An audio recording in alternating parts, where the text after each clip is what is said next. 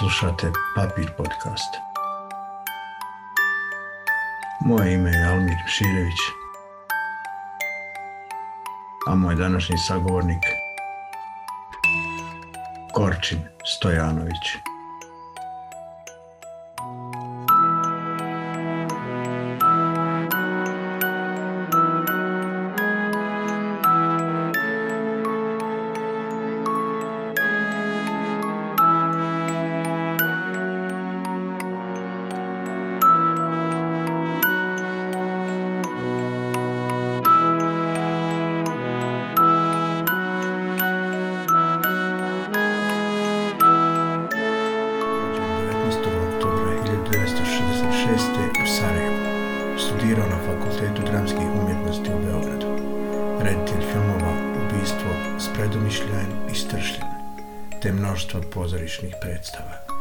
Poznati kao pisac kolumni, umjetnički je direktor Jugoslavenskog dramskog pozorišta u i boga mi sam jedno, pa slagaću te, ali neću te slagati. Četiri nedelje sam bio van, ono, stroja skroz. E, Prva nedelja kao pozitivan, onda se ispostavi da upala pluća, onda jedno tri nedelje zajebavanja. I onda sam još morao malo da odmorim. Imao sam tih završnih desetak, 12 dana snimanja i završio sam to u prošli četvrtak sad, preksinoć, odnosno naksinoć. Što kaže moja majka, ona kad ima upalu pluća, kad ja bio klinac, e, ona je morala jedno dva meseca da bude, da bude mir, da miruje, znaš, a ja sam jebi ga snimao, znaš, nisam, ok, nisam trčao, nisam kopao, ali 12 sati na setu, pa ponekad i, i na polju, ne, nije sve bilo ono, po objektima unutra, e, e, ono, i sad sam se malo, onako sam, što bi rekli, grohnuo, u smislu zdravstveno ok, nego onako, znaš, ono, izašao b- dug posao, skoro godinu dana je to posla kad se uzme od trenutka kad smo počeli da pričamo o tome, to je bilo tačno negde,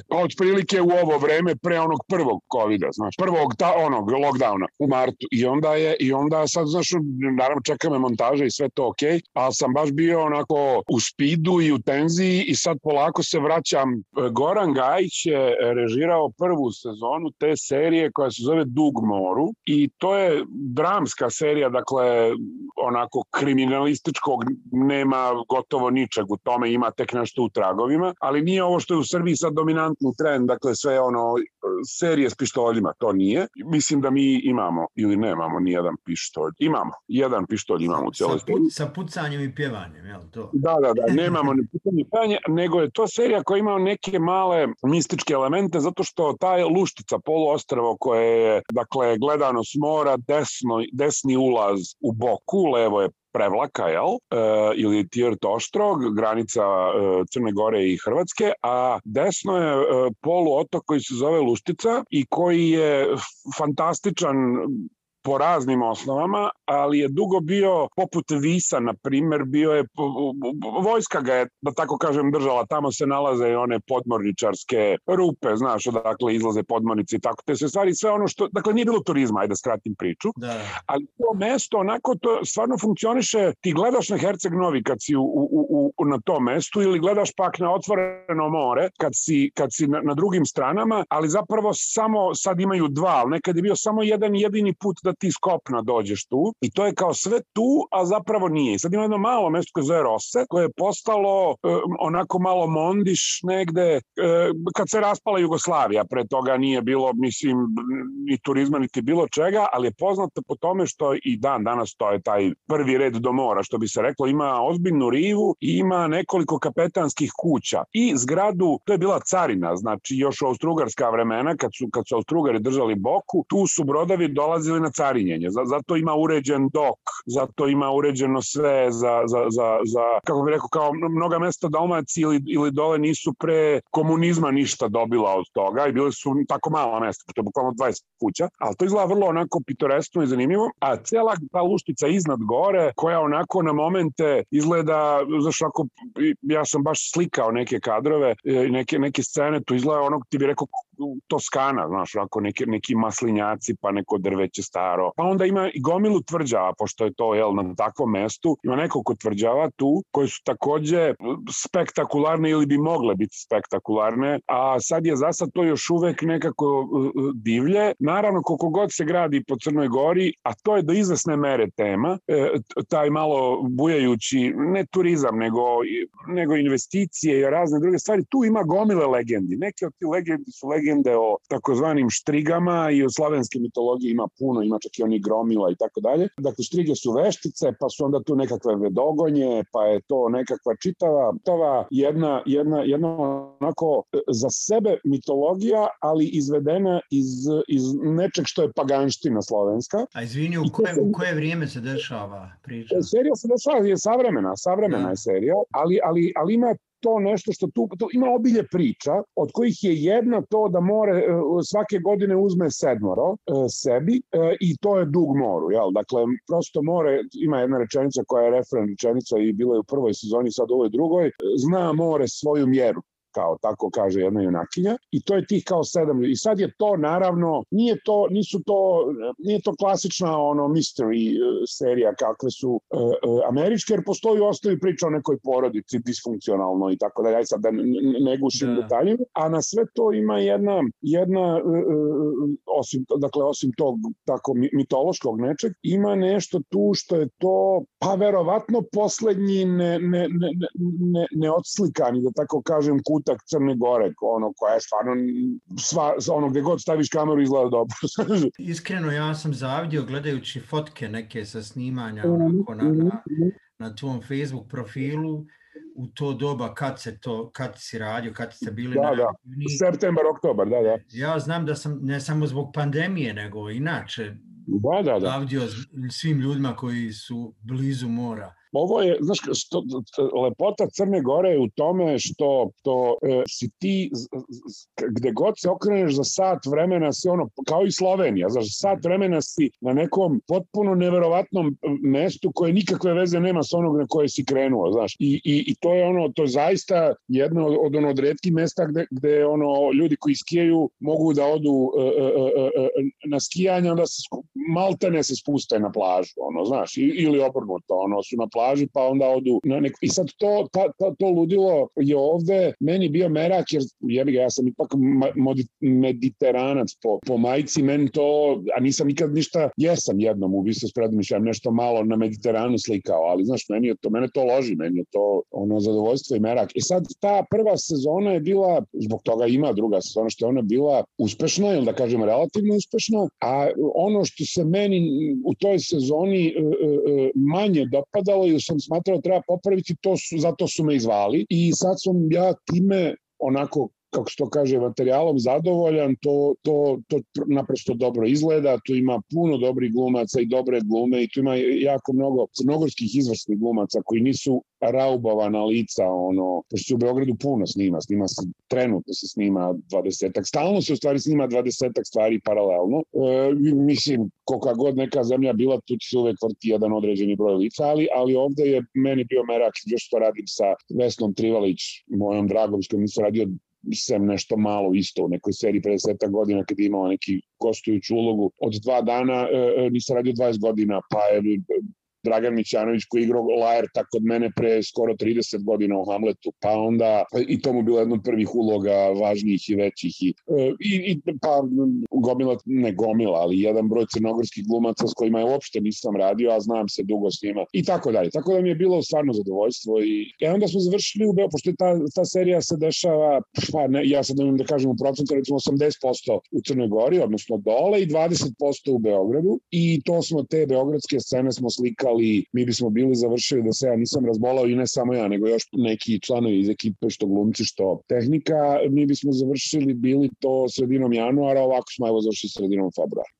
Naš, moje scenaristkinje, naše scenaristkinje, Maja Todorović, oboje roditelja za četiri dana u Crnoj Gori su, su otišli. Bukvalno, to roditelji, ljudi koji, su, koji imaju 60 godina, dakle nisu od mene stariji, njeni roditelji su mene stariji 4-5 godina, razumeš, 5 godina. Tako da, tako da je ono, baš je, baš je, stalno si između nekog kao zadovoljstva što si nešto, što si ipak nešto radio ovo vreme ili što si nešto završio ovo vreme i tih užasnih, užasnih A reci, koje... reci mi da li tebe i ljude koji su ti bliski čini mm -hmm. malo sigurnijim činjenica da na, na vašu sreću, evo, ljudi u, u Srbiji se ipak vakcinišu. Govorim kao e, neko e, iz Bosne i pa- Hercegovine ko, koja nema ni, ni, ni Znam.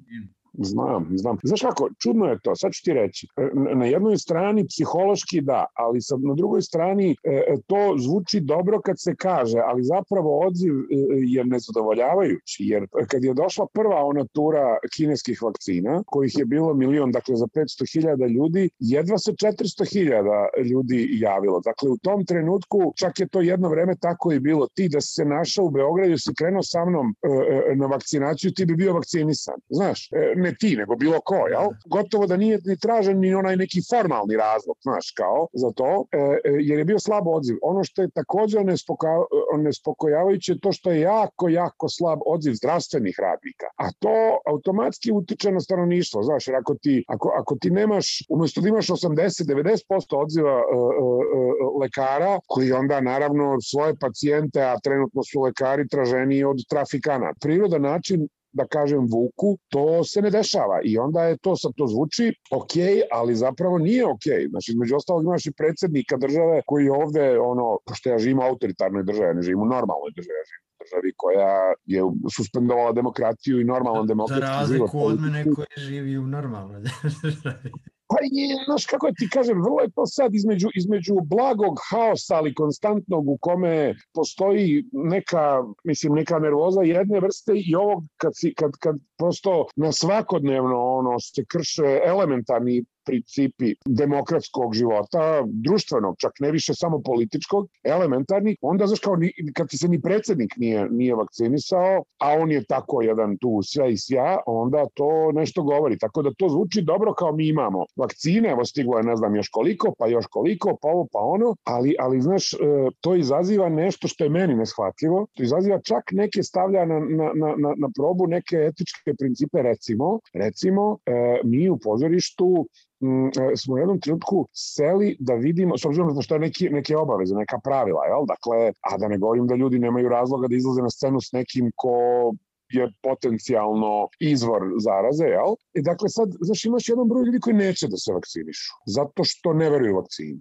Nisu oni militantni antivakseri, ali prosto neće. I onda se dogodi da, na primer, neko od njih dobije COVID, to istog trenutka se sve zaustavlja. Recimo, ono, nemaš više bife u pozorištu. Na primer, e, je on naravno prirodan izvor zaraze e, i mi smo neki dan onako sedeli i prebrojavali koje predstave možemo da igramo bezbedno, zato što su ljudi ili već preboleli ili su svi vakcinisani i hoće da se vakcinišu, revakcinišu i tako dalje, jer inače postoji obaveza da se dođe sa testom. Jedno vreme je grad plaćao te testove, koji nisu jeftini, koji su recimo 9000 dinara, što će reći neki 70-80 evra, a bili su manje od toga, bili su 50 evra. Dakle, grad je plaćao i mi smo igrali predstave. Sad je vrlo prirodno ti ima to je ljudsko pravo koje se kao poštuje da kaže ja neću da se vakcinišem, moje ljudsko pravo koje se takođe poštuje da kaže ja neću da izađem na tobom, e, s tobom na scenu zato što nisi vakcinisan. E, I sad nastaje jedna ono što bi rekli pata karta, nastaje jedna, jedna situacija koja, u kojoj će na kraju doći do toga, ono, ja sam bio čak u jednom trutku grub, mislim privatno, kafanski, onako sam rekao, ljudi, gluma je razmena pljuvačke. Prema tome, ako se hoćeš baviti glumom na, pozoriš, na pozornici, ono, sorry, moramo se svesti ili hajde se svi razbolimo pa ko preživi pričaće, ako mislite da, da u 21. veku tako nešto treba da radimo, ili brate, ajde da se vakcinišemo, a sa treće strane ti možeš da razumeš ljudski strah. Ali moram da kažem tako što zvuči gadno, još uvek niko nije preminuo, ali šta ako se to počne događati, znaš, počinje u tom trenutku, a i već sada su, postoje neki ljudi koji kažu, prosto ja ne bih izlazio na scenu s nekim ko ne želi da, niti je prebolovo, niti želi da se vakciniš. Dakle, Zašto mene plaši ovo? No, malo je etička stvar. No. I to, ali ovo inače priča o povjerenju. Mi sad živimo sa ljudima, da ne govorim u narodu koji ima problem povjerenja. Svi smo postali veliki znalci kad su u pitanju vakcine, ali živimo sa istim ljudima koji nemaju problem recimo sa vlašću, ni u Srbiji, ni u Bosni i Hercegovini. To je ista većina koja vjeruje vođama i on njih ne provjerava kao što provjerava vakcine. Tako je. Ima nekih tema o kojima sam ih htio da govorimo danas, ono, šta, na, na šta pristanemo da nas ili varaju ili mi zaista vjerujemo da je to, ali evo, nažalost, kad su vakcine u pitanju, tu pravimo... Ne, sad si rekao ključnu stvar, ne provjeravaju ni vlast ni paštetu. Da. Jedu paštetu i slušaju vlast, ali im je problem vakcina, razumeš? Ali znaš, to je malo, vidah negde, ja moram da kažem, ne zato što sam uh, iznad iznad nečega, ali, ali malo, ja se zazam, to je ono pozitivni snobizam. Znači ja svako jutro čitam New York Times, ne zato što i, i Guardian. E, za, između ostalog zato što sve što su domaće vesti to saznaš, pogotovo u Srbiji, tu već saznaš pre nego što dogodi, pošto je sve najavljeno, jel? Kao što je već i jeste u kontrolisanim medijima u autoritarnim zemljama. Mislim, malo preterujem, ali ne mnogo. E, i onda, znaš, u jednom trenutku dođe do ideje koja je nekako logična civilizacijska ideja, a zašto mi nemamo jednu vakcinu? Zašto imamo šest različitih vakcina. Zašto se sad ne skupe sa pozitivnim iskustvima, pošto je princip jasno šta je, da se dogovore koja je najbolja, jer kao nema milion vrsta BCG-a, a svi smo ga primili. I nema milion vrsta antitetanusa. Zna se kako je antitetanus, šta je potrebno. I nema pet vrsta, mislim, protiv otrova za ujed zmije. Dobro, ali to je jasno, to sam gledao taj trenutak kad se desilo, to je predsjednik predstavljao vam kao neku vrstu medicinskog švedskog stola i priča o demokratiji u kojoj kao ko biva narod ima sad slobodu da izabere vakcinu, ko da svako je od nas doktor pa zna. To je sad srpska perverzija nečega što je, što je, što je globalni problem. Znaš, kao globalno je isto kao što imaš Evropsku uniju koja zbog političkog nepoverenja u Kinu i, i Rusiju i ideju mekog uticaja, što je pritom takođe tačno, ono kasni sa vakcinacijom. Znaš, na, naprosto civilizacijski su stvari tako loše postavljene da u autor, kad to dođe do naših malih autoritarnih kneževina, jer ovo čak nisu ni, ono, ovo su, ovo su kneževine, ovo nisu suverene zemlje skroz, pa da kažeš, ok, mislim, hoće neki ljudi da imaju cara, pa imajte cara. Ne, prvo neće, jer ne izlaze na izbore, jer ih ne zanimaju izbori. E, znaš, u Srbiji, u Srbiji e, trenutno vlada ekipa koja ima četvrtinu biračkog tela. Zapravo, tri četvrtine ćuti ili nije tu, ili zapravo ne postoji, nego je odseljen negde, ili su prosto ravnodušni prema svemu tome. Sad ne govorimo o bojkot opoziciji, ne govorimo o general. I to ti je, i sad ta, ta, ta četvrtina u kojoj nije bez amnestije nekog ovde ludaka koji, koji ovde nama se obraća svaki dan, ali e, to on ima neke jedne situacije, nema neke jedne vlasti, on ima neke tog, znaš, u Beogradu je glavna stvar taj Beograd na vodi, to ti pred tobom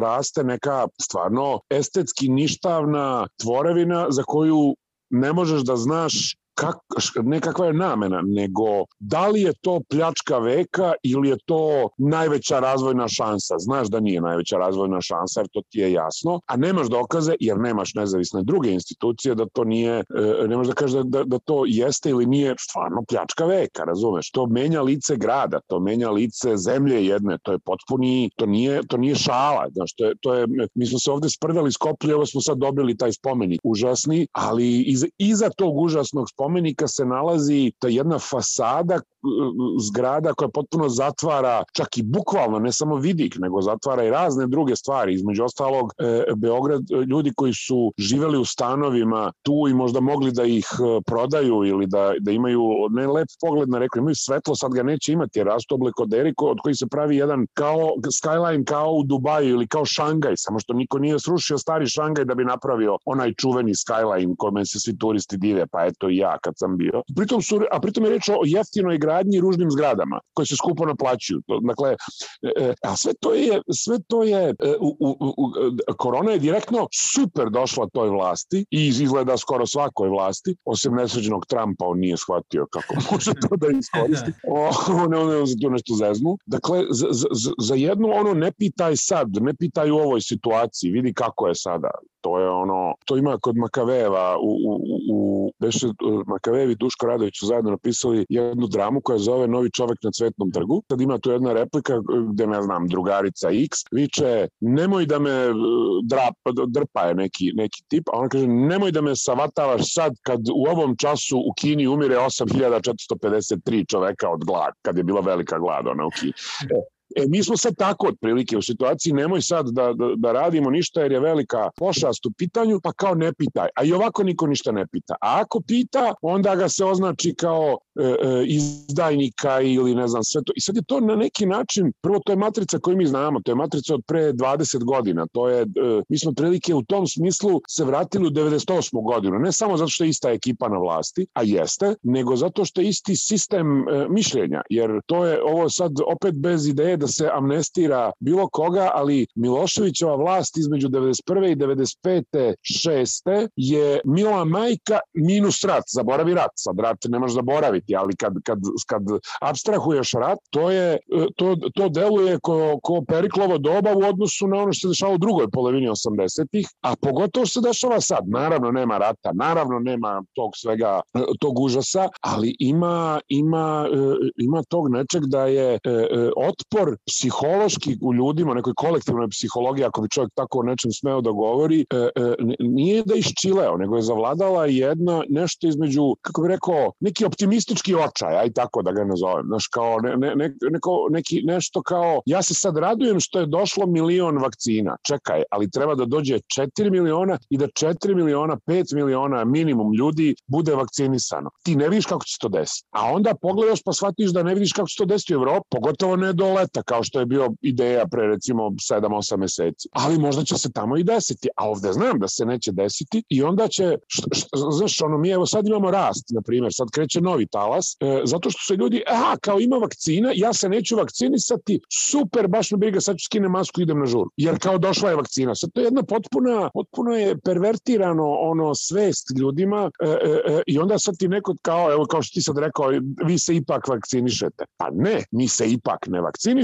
jer ako, je, ako, ako se ne vakciniše dve trećine stanovništva, onda je potpuno irelevantno što se 20% jeste vakcinisalo. Dakle, dođemo ga na isto. I onda kad podvučeš crtu ispode da je u Bosni koja je bez vakcina i u Srbiji u kojoj ima vakcina, e, e, da je e, procenat i proporcija obolelih, umrlih nije baš velika razlika. Znaš, nije... Pa smo, ja, ja znam, mi smo jedno vrijeme, ne pratim sad to svaki dan, da, da, da, da, da ne čitam sve te vijesti, ali u jednom trenutku smo imali bolje, što je ružno. Da, tako, jeste grozno. Duh, ali onaj, da. imali smo manje zaraženi nego Hrvatska, koja tako je, tako je. se da je sređenija mm -hmm. Jedna od glavnih vijesti protekla dva ili tri dana je uh, direktor hitne pomoći upozorava na porast uh, broja mm -hmm. I da, da. ono što je mene šokiralo to da direktor hitne pomoći upozorava na svojoj Facebook stranici da, da, da. Vraća se, ne znam kome, svojim da, prijateljima da. i ono pratiocima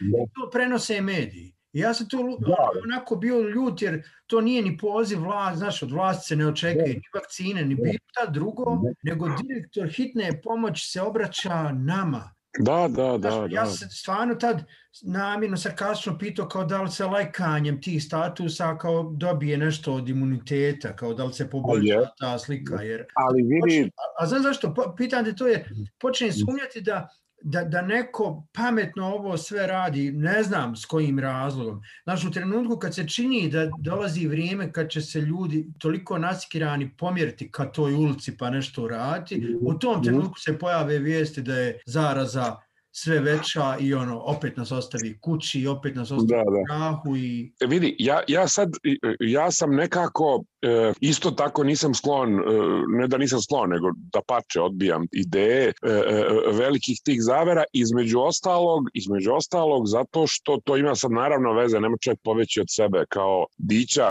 svakovrsnog pa, pa i estetskog, pa, pa i estetskog bića, znaš. Dakle, ja naime, no, valjda sam tako i ta generacija i tako odrastao, da, da, da verujem da, da svet e, zapravo počiva na absurdu nekom i da, i da je, i da, i da je, da, da, da je svet jedno absurdno mesto i jedno mesto pre, neprestanih paradoksa. Iz, iz toga, lakše bi mi drugim rečima bilo da znam da postoji neka zavera, jer kao zavera ili sama od sebe prekine se ili će neko prekinuti. Ali ja se bojim da je ovde reč o, o, o nedostatku strategije, ali ima puno taktike drugim rečima, da je postoji jedan haos, ja ne mogu, znaš, nemam za ovo što pričam, to je samo osjećanje, to nema nikakvog da, da. temeljenja u činjenicama, ali sad nema čovjek, kažem, nema što pobeći od sobstvenog osjećanja, sve je taj, tako da kažem, Weltanschauunga, kako se to već kaže, pretencijozno, e, a to je da, dakle, da zaista je ono slučajno neki deda pojao supu od, od šišmiša i desilo se šta se desilo, a da onda posle toga nastaje ta, to, to taktiziranje, taj jedan, taj jedan pristup stvarima koji je, evo to što si rekao, ti kažeš e, direktor hitne pomoći, ali meni se predsednik obraća preko, preko društvenih mreža, samo što je uzgled budi rečeno i napravio televizije, napravio svojim društvenim mrežama. Čak smo i to imali ovde. Na kraju kada predsednik Amerike je pokušavao da, da upravlja Twitterom, ja, jel, pa izgubio nalog čovek, razumeš, to je potpuno, mislim, to je stvarno bizarno i absurdno i ja ne vidim tu, ako je, ako je zavera, onda je jako trapavo izvedena, mislim, moram da kažem, a, ali se bojim da nije zavera, nego da je neka vrsta haosa i mene ovo, ja sam se, e, znaš, ne može, ne može nekako drugačije i sad u ovom, i ovom periodu kad sam bio u covidu, a i pre nego sam ono krenuo u, u snimanje, pa čak i za vreme snimanja, ono moraš se vratiš nekim knjigama ili se setiš nečega. I onda se ja setio, to je mislim fantastična jedna knjiga koja se zove Johana Huizinge, jedna je klasična jesen srednjeg veka, koja je izašla I sad je to vrlo interesantno, ovo je sad mali podatak koji recimo ja nisam znao. Ja imam hrvatski prijevod koji se, dakle, jesen srednjeg vijeka, Matica Hrvatska 64. godine izašlo, a vrlo interesantno, isto to vreme Matica Srpska objavila ekavski prevod toga. Dakle, u onoj zemlji ondašnjoj, dakle, koja je bila kao takva kakva i tad se nešto duplo predvodilo, što je potpuno idiotski, jer se ti tu knjigu mogao kupiti na jednom i na drugom mestu kad si hteo. E sad, to je onako mali, mala bizarnost, ali je ali mi je zgodna ovde. I sad ti shvati zašto, zašto ta knjiga? Zato što e, ona govori o svetu posle kuge. Ona govori o svetu e, e, posle, evo ja sam trenutno na televiziji N1 gledam e, verovatno neku, neku sad najnoviju reportažu ili već ne znam šta o ovom užasnom spomeniku Stefanu Nemanji. Ja sam rekao, to nije spomenik Stefanu Nemanji, to je ono što imaš u srednje evropskim gradovima spomenik Kugi, jel? Koji, koji eno ga u Mariboru, nekad je bio u Zagrebu, e, eno ga u, u naravno u Beču na sred Grabena, eno ga u svakom većem srednjoevropskom gradu. E, e, spomenik Kugi, e ovaj Stefan Nemanja nije samo spomenik gluposti, pretencioznosti, megalomaniji ovoj vlasti, nego spomenik toj nekoj pošasti. Svet se ne deli onako kako smo mi mislili. To te negde Huizinga nauči, on ti kaže posredno e, i pritom divno napisano e, da, da je svet izgledao na jedan način, odnosno Evropa, na jedan način, a onda posle kuge na jedan drugi način, jel? E, I sad mi to kao znamo, mi smo to kao učili, ali nismo nikad takvu podelu pravili, nego nas je neko učio, ne znam, srednji vek traje ovo, pa onda, ne znam, novi vek, pa drž da nabijem renesansa, pa ovo, pa ono. Ali je, ali je, mi sad živimo u tom nekom trenutku koji je po mom osjećanju dubo, jednako haotičan kao ta tadašnja kuga e, e, koju šire pacovi ljudi, a ovde sad šire, nema više pacova, šire ljudi između ostalog i ljudi kojima je toliko, toliko besvešćeni da nisu u stanju da shvate da, ok, imaš vakcinu, nećeš da odeš na vakcinu. E, ja, ponavljam, razumem ljudski strah, ali, ali me niko, pa ni moja majka, koja do duše u svojoj samoizolaciji već godinu dana i prijave, koja isto odgađa, da tako kažem, trenutak, e, trenutak vakcinacije u 82. godini, ja mislim da to mene naravno dodatno iritira, ali, e, e, ali bar ona nije ugrožena i nikog ne ugrožava time, ili bar se nadam da je tako, ali je, čak ni njoj ne mogu objasniti, vama 21. vek, pobogu, treba trebalo je da umreš u Hercegovini od malarije pre, pre 60-70 godina, pa nisi jer je neko doneo kinin u selo. I sad mi u 21. veku se bakćemo sa nekim elementarnim civilizacijskim, civilizacijskim. I onda se setiš da nije, da razvoj civilizacije nije linearan da mislim posle, posle uh, uzašavšća antike ili razvoja, ne znam, pravnog sistema u, u Rimu dolazi to stvarno užasne godine, decenije, milenijum, ono srednjeg veka. Dakle, možda mi stvarno ulazimo u nešto što je kao u onim science fictionima. Ja nisam mnogo čitao, ali kad sam bio klinac, čitao sam, bila ona čuvena biblioteka Kentaur, ili kako se zvala da, već, da. i onda je bila jedna knjiga od koje su snimljena dva, nažalost, loša filma, zove se Richard Matheson, pisac, zove se Ja sam legenda. To je knjiga, snimljen je, to je Omega Man sa Charlton Heston i nešto nedavno je snimljeno slično sa Will Smithom, ali to stvarno ne da. valja. E, ali nije, to nisu dobri filmovi. A knjiga je zapravo, ja, ona je dobro napisana, ali ima tu poslednju rečenicu koju jednu i naslov filma. Dakle, u trenutku kad poslednji krvlju e, e, zombija nezaraženi insan, što bi rekli, dakle čovek, a ne zombi, kad je sam, on piše u ih formi celu knjigu i oni kao ovi se približavaju i poslednji rečenica pasus glaši ja sam legenda. I ja sećam se da sam se e, tada, i možda imao nekih 12 godina, da sam se ono, e, sa svom svešću da ja čitam žanrovsku literaturu koja, dakle, nije ne znam šta, jer sam ja puno čitao u to vreme, bio u fazonu, a šta ako? I sad, sad, sad toga se stalno sećam, jer me ta rečanica drži evo 40 godina, ono, neki čo, znači, da li, je, da li smo mi došli u neku situaciju u kojoj će neko, možda ne sad, ne dogodine, ali za nekoliko godina reći, ok, e, nije uspela vakcinacija, i e, svet je došao na tu stvarnu situaciju koja recimo to što ti meni govoriš u Bosni koja je u Crnoj Gori užasna, jer me strašno pogodila jutro ta vest za,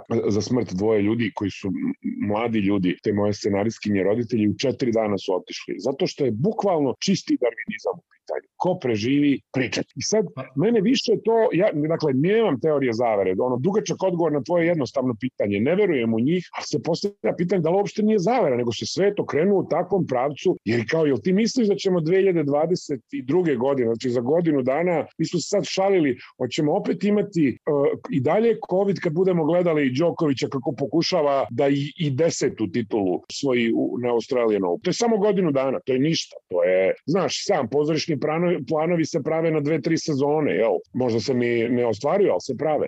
I, I ja recimo bi trebalo za godinu dana da znam da imam premijeru oslobođenja Skoplja u Nišu, na primer, Dušana Jovanović. Da li ću ja biti u Nišu za godinu dana? Da li će biti te premijere? Da li će biti pozorišta uopšte? Razumeš, stvarno, stvarno, e, e, bez ikakvih zavera, bez paranoje, bez ičega, čemu nisam ne, sklon. Ne, da li je moguće da, da, Dio, dio problema ide iz činjenice da imamo, ne znam kako to drugačije imenovati, ali, nego višak slobode. Kad kažem višak slobode, mislim na činjenicu da mi sad, mi smo sad društvo koje se busa pričom o ljudskim pravima. I onda da. svaka budaletina ima to tako pravo i da kaže da vjeruje, ne vjeruje u vakcinu.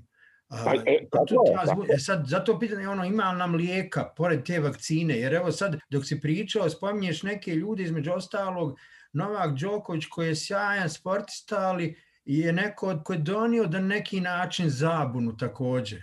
Tako je. On je pokrenuo priču, ono, čovjek kojem vjeruju, koji je sjajan teniser, ali isto tako više vjeruje u piramide nego u vakcine, pa malo unese, njega više slušaju nego mene na podcastu. To je ono što mene više onespokojava, na, na kakvoj će se to ledini igrati naša deca. Ono, virtuelno i svakako, to nam je jasno, već to rade.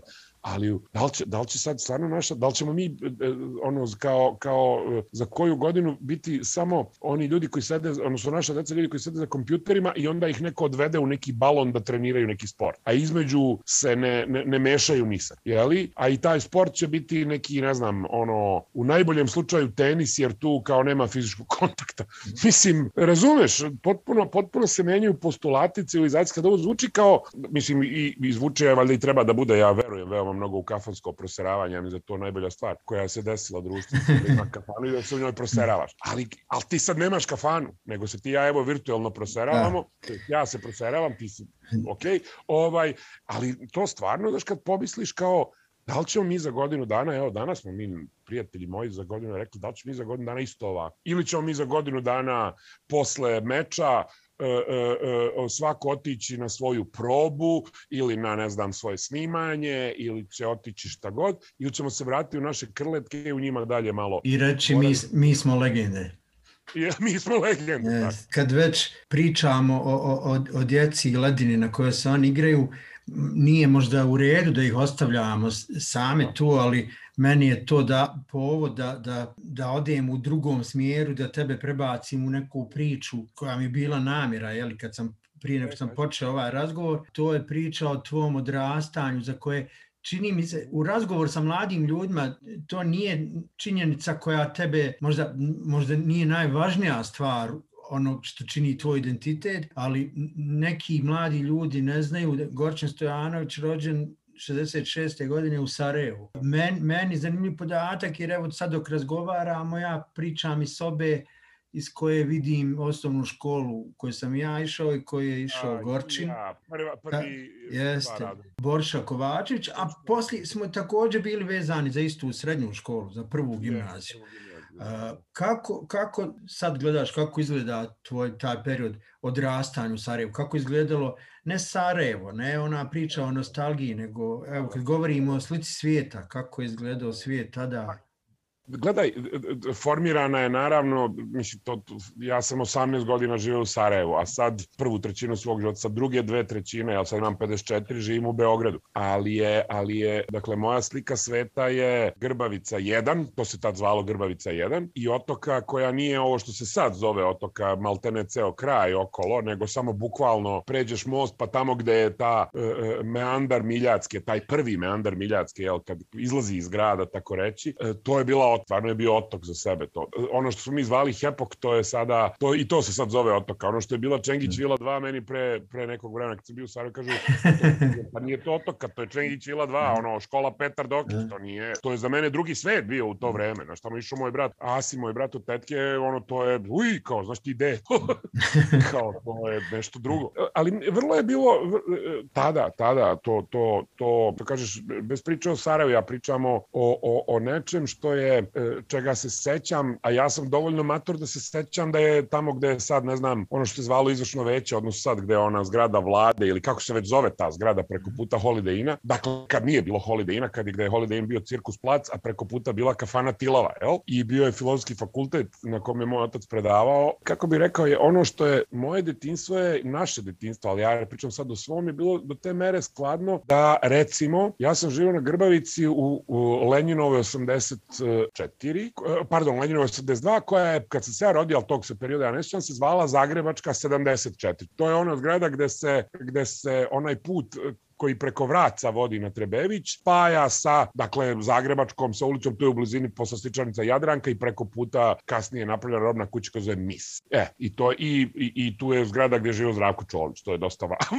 Da, da, to je, to, to je moj ovaj trougao. Kraj. E, i sad odatle, odatle e, do Skenderije, gde, gde je u to vreme svake godine su bile velike revije crtanog filma, ali to su ovi crtani filmovi koji su opšta mesta, znači Tom i Jerry i takve stvari, ogromne revije crtanog filma i sad mene vodi jedan dan mama, drugi dan tata, a ja hoću da gledam opet sve te iste filmove, oni neće da me vode, a ja hoću, naravno, koji svako dete, pazi, ja u tom trenutku ne idem čak ni u osnovnu školu, imam šest godina i mene roditelji puštaju da sa šest godina idem peške do, do skroz do Skenderije, da pređem kod takozvanog Unisa, da pređem ulicu, da pre toga pređem, ok, neke malo manje uh, prometne ulice sa desne strane gledano, jel? Sa, koje, se, koje se spuštaju uh, od ovaj, Kovačića, jel? I tako do tog kraja. Idem, znači, sve pa i dolazim u Skenderiju, kupujem ulaznicu i sam sa 10, sa šest godina, ne 10 godina, sa šest godina sedim u velikoj sali Skenderije i gledam crtane filmove sa čuvenim uputstvom, e, nemoj ovo, nemoj ono, ali ako se nešto nije jasno, se uplošiš ovo ono, priđi policajcu, čika, milicajcu, to dobro su milicioneri, i kaži čiki milicioneru, ti se zoveš tako i tako, stanuješ tu i tu, ako bude trebalo. Nikad nije trebalo, a sam ja osjećao, dakle, neku sigurnost. Jeste da je moja majka, po svedočenju mog oca, provela na prozoru ta dva sata, e, e, a on je rekao, slušaj, se, idi pa ga vrati ili uđi unutra, misli, sad stojiš na prozoru degenski. A to je, recimo, eto, to je jedna mala ilustracija toga. Ili jedna druga priča koju sam toliko puta pričao da, da su me moji, moji ono, moja raja u stvari govorila, daj, to je lavor, to izmišljaš, to nije tačno. A to je, mi smo se, dok je postojala uskotračna pruga, mi smo se u tu na, na, na Grbavici, opet pričamo maloj raji, ona je ukinuta ta pruga je ukinuta kad sam imao nekih nepunih 10 godina, znači 9 godina sam imao. E, ali u ovim malim godinama, da tako kažem, Velika Raja bi stala na mesto, to je inače jako sporo Čiro išao tu, taj deo kroz grad, to je ovo što je sada e, e, ova obilaznica, jeli, ko grada, to je ta trasa. I e, e, mi smo išli tu na mesto gde, gde se ta ulica koja vodi e, na Vraca, pored stare škole Bane Šurbac, pošto je bila stara zgrada, Bane Šurbac vodi na mesto gde bilo je tu i ona, kako se zove, rampa, jel? I mi bismo se onda stali tako da se starija raja zakače na voz. Dakle, na Grbavici tada nije bilo, tramvaj je bio daleko da bi se kačili na tramvaj, mi se kačili na voz, tako što starija raja se zakači na tog čiru koji ide ono pet na sat u tom trenutku i onda nas male pokupe i mi se tako vozimo do, do stanice Bistrik, a to je naravno svim Sarajevima poznata ako ništa iz filma Walter Brani Sarajevo. E, i onda se malo ranije, ima jedna, bila jedna okuka kad se izađe iz tunela i onda se tu može malo onako bez, bez frke, ne mogu čak ni da kažem iskočiti, ali si mogao se spustiti s tog voza, ne prosto, gotovo da stane ili zaista i stane na neki signal pred stanicom i onda čekamo povratak ili ako nema onda idemo uz prugu nazad kući. I, i rasle su neke kupine tu da okolo svuda i koje su naravno bile užasno prljave od, od čire i koji pušta jeli, e, e, onaj gar, a mi smo te kupine brali, trljali, jeli i tako da. I recimo, e, ja sam tu priču pričao, ova moja raja iz centra grada zgodama, da, izmišljaš. I onda se desi isto pre jedno 5-6 godina, ja slećem na Butmir, taksista, čuje taksista, pošto ja, ja evo koliko sad čujem sebe mm. govorim ekavski, ali inače, zato što valjda u Beogradu, ali inače ja u Sarajevu prirodno počnem pričam ekavski. Mm. I on čuje, da, au, kaže, ti mora stari Sarajevo, kažem, da, da, levo, desno. I uglavnom on, ispostavi se da je on ta starija raja, da je on malo stariji od mene i on ispriča to, kaže, ma mi se ba kačili na, na voz. Ja kažem, pa dobro, hvala Bogu da neko zna, da, to nije, da ja to nisam konfabulirao, da ja nisam idiot, tvrdi da se deca kačila na čiru, jebote, nego da su se stvarno deca kačila na čiru. A inače, moj e, jedino kačanje na tramvaj je neuspelo zato što je pokojni Seo Fetahagić se našao u tom tramvaju, ovaj, u koji, za koji sam se ja i moj drug Nermin zakačili i odmah javio moje majice. Tako da sam se više puta zakačio na čiru nego na tramvaju u Sarajevu. Više ja nikad nisam ni došao iskušenje, nikad se nisam zakačio za tramvaj kako bio običaj među rajom, ali više, ali zanimljivo, tramvaji su isti ostali, ali više se klinci ne kaču. Ne znam da, ne vjerujem da je policija postala strožja, nego to više klincima nije zanimljivo. Pa valjda nije, ali vidi, niko ne igra klikere više, niko hmm. više ne stavlja 5 dinara na... na, na, na ne, ovo riskire, riskire može telefon ispasti ili ne znam. Pa i tako je. Tako. Jeste, tako. Reci, spominješ raju u Sarajevu, ja, ja znam neke ljude koje, s kojima si ti blizak, ali me zanima evo da, da, da, da kažeš. Ko su, ko su ljudi koji dan danas smatraš prijateljima, naravno najviše, mislim, ne samo ove koji su u javnom životu, ali evo znam, znam neka imena, znam neke koje, pa koje ono smatraš dragim. Moji su i dalje najbliži prijatelji to su ljudi s kojima sam ja evo 40, biće, biće na jesen 40 godina, bukvalno u svakodnevnom kontaktu čak i kad je to bilo na ivici mogućeg. E, moj najbolji prijatelj, moj kum, živi u, u Zagrebu i tamo je odvjetnik i ja bih voleo da kažem pošto je objavio već nekoliko priča i jedan prosto izvestan pisac koji, je, koji piše jako dobre priče, neke od njih, zove se Nedim Tanović i neke od tih priča, ne neke, nego većina tih priča se mogu naći recimo na onom Eiffelovom mostu kod Jergovića na, na stranici. Moja sledeća najbliža osoba je Gordana e, Dana Grozdanić, koja je između ostalog ona i, i, i Nedo ili Tana, oni imaju u Zagrebu, ona živi u Filadelfiji i bavi se, ona je a, germanista po strut, prevela je, sad skoro oni su napravili uh, izdavačku kuću malu, koja tek ima četiri izdanja, postoji svega godinu zove se naravno, kako bi se drugačije zvalo, nego gimnazijum. Tu je Nebojša Gušić koji živi u Londonu i trguje vinima i analogije i Master Wine Candidate. Tu je naravno Ahmed Burić, koga ne moram sad šta da kažem, znam svi što je Ahmed Burić, i, i pesnik, novinar i sve ostalo. Muzičar, moram da kažem, ljuti će se ako ne kažem. E, dakle, eto, to je neki, taj neki moj najbliži krug ljudi s kojima sam ja i dan danas u redovnom i svakodnevnom kontaktu i svakogodišnjem viđanju. A sad, e, ako krenem da širim, naravno, tu sad ima još mnogo ljudi s kojima, koje bi trebalo pomenuti, ali ajde recimo da stanemo ovde, jer mi kad se viđamo i kad pravimo te, evo propala nam je zbog COVID-a 35-godišnjica mature, mi kad pravimo te naše skupove, to se stvarno, ali zbilja dolaze ljudi iz Australije i, i, i bude nas u, samo iz mog razreda 20 ljudi, a ovaj a posle toga se tu skupi skuplja mislim posle kad se skupi više toga ljudi bude nekoliko stotina ljudi iz generacije 66. godište, pa onda dođe i poneko drugi, poput Saše Hemona, koji je 64. i neki mlađi od nas, jer je to prosto jedna ozbiljna raja kad se ovako šire, šire uzme. Poslije kačenja za voz, to su, to mora se priznati, većina njih ili svi jako uspješni ljudi i evo sad spomenu Ahmeda Burča i Sašu Hemona, e, ljudi koji pišu, ali su i vezan bili svoje vremeno, Ahmed i dan danas insistira na tome da je muzičar, a Hemon, je, Hemon se bavio muzikom. A to spominjem zato što ti si kompletan život vezan uz muziku. Svoje vremeno e, pa u da. mladosti si bio, sam za sebe kaže, da si bio da li punker, rocker, gdje si se.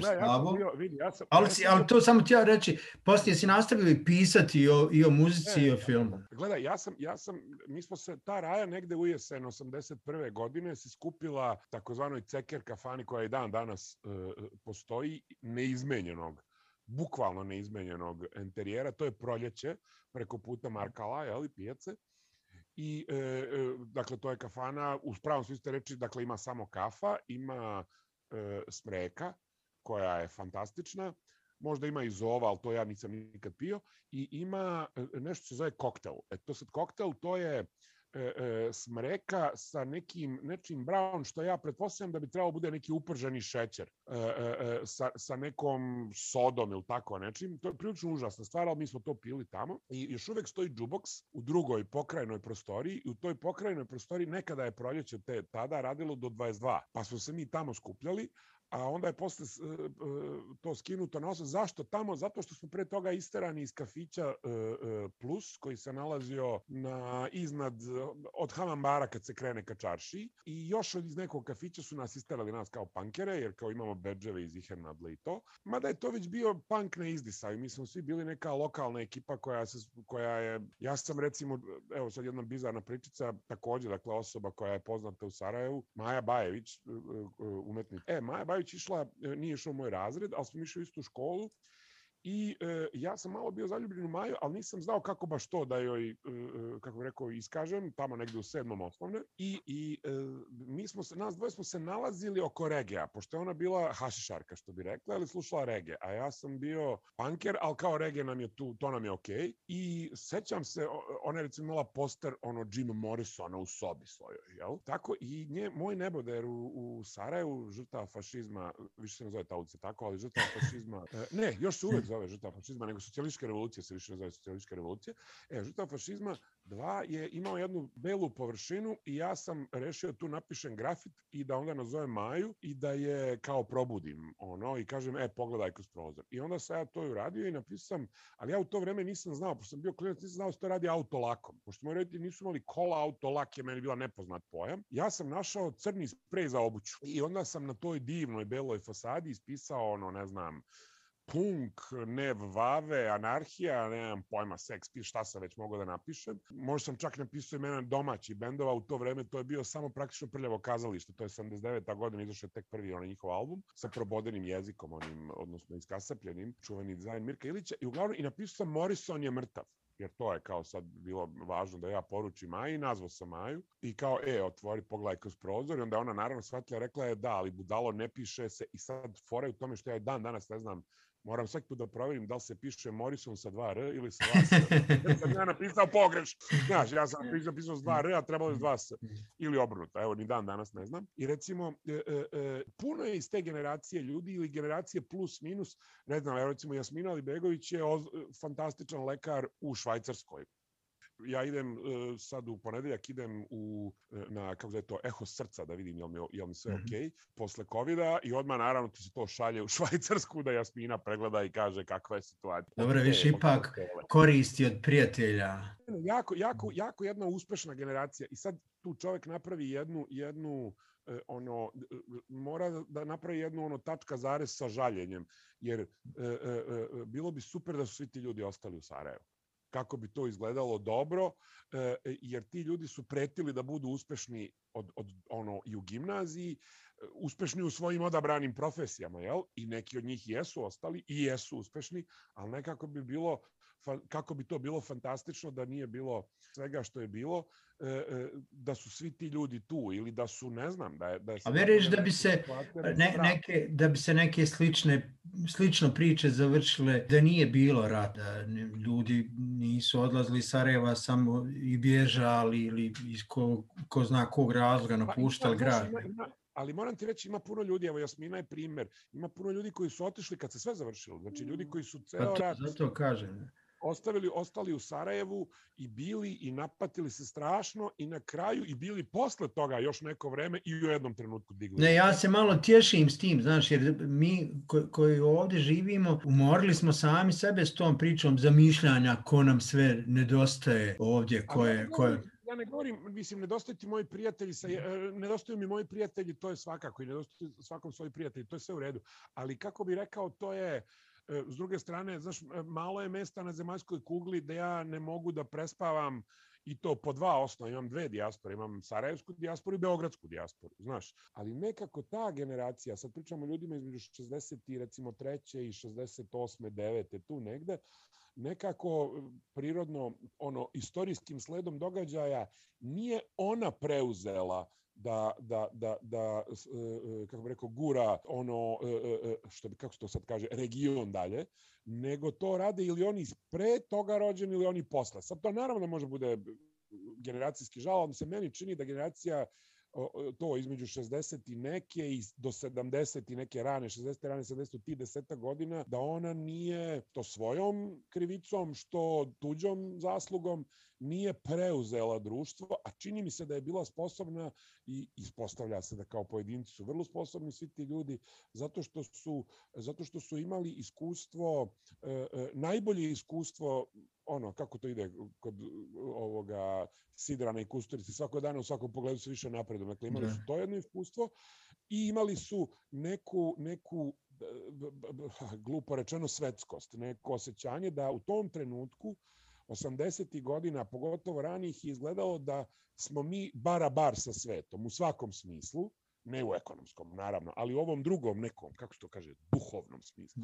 Ja sam krajem 80. kad sam završavao srednju školu, bio u Beogradu na sajmu knjiga, tad su nas škole još uvijek vodile na sajmove knjiga, putovalo se, i tamo pokupio konkurs za kratku priču i poslao, poslao, poslao priču i prvi put bio objavljen, kako se to kaže, Aha, u knjizi koju je tadašnji radio Ozon je A, da, raspisao da, konkurs. Ali zašto spominjem, jer je zanimljivo, ja sam tad bio klinac, to je prvo objavljivanje, pozvali su me tamo i trebalo da prođe 10 godina da ja shvatim da mi je David Albahari bio u žiriju, da je čitao priču i te, da Igor Kordej pravio naslovnicu. Ali zajedno u knjizi prvi put je objavio Aleksandar Hemon i priča se zvala Kafana proljeće. Eto vidiš. Da. Tako da je to, to me sad potislo kad si govorio. Tako, eto. tako je, tako. Pa ne, ali znaš, dobro, to je, to je, e, da ne bi sad ušli u nekakav taj žal, ja mislim da se, da se ti skaš jedne strane neki, nadam se da neki ljudi, s druge strane vrlo je diskutabilno, vraćam na onu Margaret Thatcher, odvratno razumeš, da li, je, da li, je, da li uopšte ima više kafana, proljeće ili kako god se one zvale ili u našem slučaju Zemun, odnosno Mali Beograd, odnosno Hotel Boznija, pa sad mesto gde sad mi ne znam šta se nalazi više, više to nije ni bife, ili, ili ono što mi zvali ispod Trešnje, odnosno bašta uh, uh, kafane Pošta preko puta, dakle ispred uh, pozorišta mladih, ili sve ta, bila je, jedna, bila je ta jedna situacija gde ti u Sarajevo nisi, u Sarajevu nisi mogao u podne doći u kafanu, a morao si svaki dan doći u podne u kafanu, kafić, šta god, okupljalište sa nekom pričom, nisi mogao doći nako, nego, nego dođeš i pošto se naravno ništa nije desilo, jer si izašao iz tramvaja i prešao ulicu ili si pak stanuješ tu blizu, onda moraš nešto malo da domisliš, da ne kažem izmisliš. I sad svi znamo da je to uh, uh, utemeljeno u nečem, tipa sreo si nekog komšiju, onda se nečeg setio, nešto si povedu. I nije, nije, takođe nije slučajno da sad na tom recimo Facebooku moje raje, dakle da e, e, svi umaju lepo da ispričaju e, ispripovedaju, sastave priču i da razumeju da nešto što je priča, e, e, kako bih rekao, da je istovremeno mogući literarni motiv. Dakle, nije ono priča koja je, eto tako, nekakva anegdota iz, iz prošlosti, nego ima elemente za, ukoliko bi sad neko od njih seo ili imao potrebu za tim ili, ili vladao onim malo višim nivom književnog zanata, e, bi mogao da napravi nešto što je kratka priča tipa o Henry ili tipa Hemingway ili tipa, nemam pojma, ono, čak Čehov ako hoćeš, da ima neki malo, malo e, e, poseban motiv, da taj motiv nije očigledna, banalna anegdota, nego da da izvineš, što bi rekli u mom haustoru, da transcendira taj, ovaj, da. taj, taj motiv u nešto što ima gotovo literarnu vrednost. Znaš, nikad neki od njih neće to uraditi, neki možda i hoće, ali, ali neki neće, ali ti vidiš jednu kultivisanu rečenicu, nekakav bogat vokabular, nekakvu, e, e, e, e neko e, razumevanje sveta koje je Znaš, ja recimo mislim da je za Sarajevo užasno važno to što kad je nastala Sarajevska televizija 69. godine, a praktično je nastala na brzaka da bi se mogao izvršiti direktan prenos iz Sarajeva otvaranja Skenderije i velika premijera Skenderija otvorena velikom premijerom filma Neretva i to je bilo, ne znam sad koliko godina od, od tada i Tito je došao i tako dalje. I tu se i čitava jedna nova generacija političara koja će voditi Bosnu kasnije, komunističkih naravno političara pojavila i tako dalje. Ima tu i, nisu to sve samo lepe priče šta više možda nisu uopšte, ali nije ni važno. Uglavnom, osnovana je na brzaka ta sarajevska televizija koja nije imala ni zgradu ni ništa i morali su nešto da kupe, neki igrani program. Pošto je Zagreb i Beograd već pokupovao sve igrane programe koji su tada bili dostupni, relevantni i tako dalje, a valja znati da smo mi dobijali po nižim cenama zato što smo Staljinu rekli 48 mene neke zapadne programe, pa smo dobijali po dumping cenama. E, e, Sarajevska televizija kupila Monty Pythona. I Monty Python je, koji je krenuo 69. u Sarajevo došao 70. već i sve vreme smo mi gledali Monty Pythona i, i to na kvadrupleksnim čuvenim trakama ogromnim, kojih se ja sećam, pošto moj otac radio na televiziji Sarajevskoj baš tada, od 69. I sad to je, to je generisalo te Versenove bajke. E, te Versenove bajke i Monty Python su generisale e, e, e, e nadrealiste, da.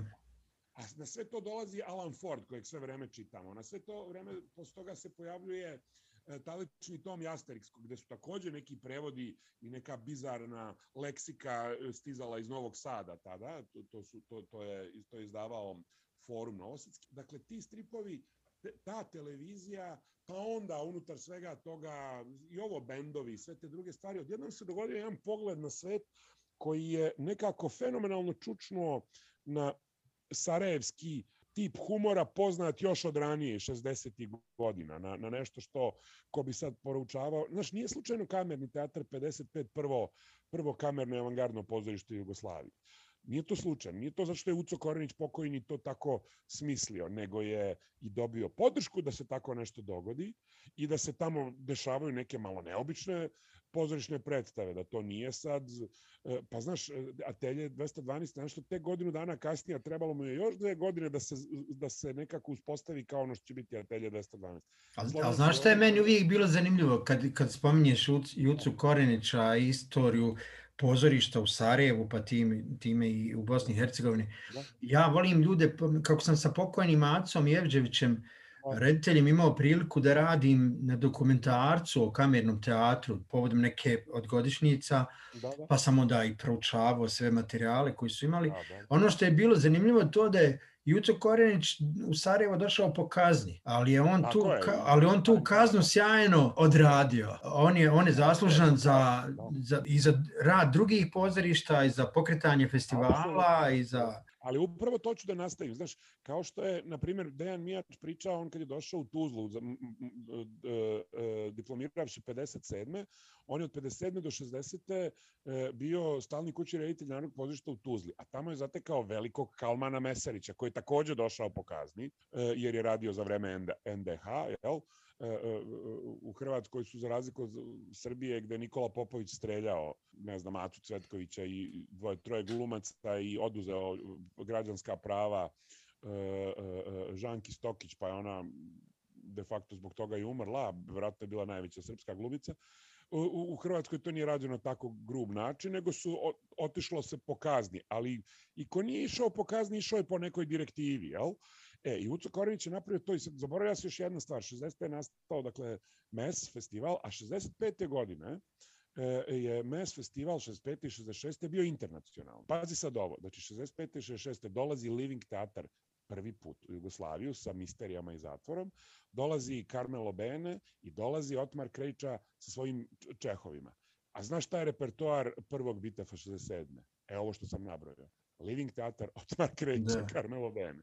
Razumeš, zato što je, e, e, e, ja to tako zamišljam, i nemam za ovo pravi ono kao dokaz, ali verovatno je vrisnula Mira Trajović, pa neće valjda van Beograda biti takva vrsta festivala. E onda se u Beogradu našla tadašnja ekipa gradska koja je izmislila i Bitef i, i, i Fest i, i, i Bemus, jel, Beogradske muzičke svečanosti i tako dalje. Ali to je krenulo u Sarajevu. U Sarajevu je, to se takođe ne zna, bila e, e, jedna smotra igranog filma pre Pula koji nije još bio festival, ali dakle jugoslovenskog igranog filma, davno, 50. godina.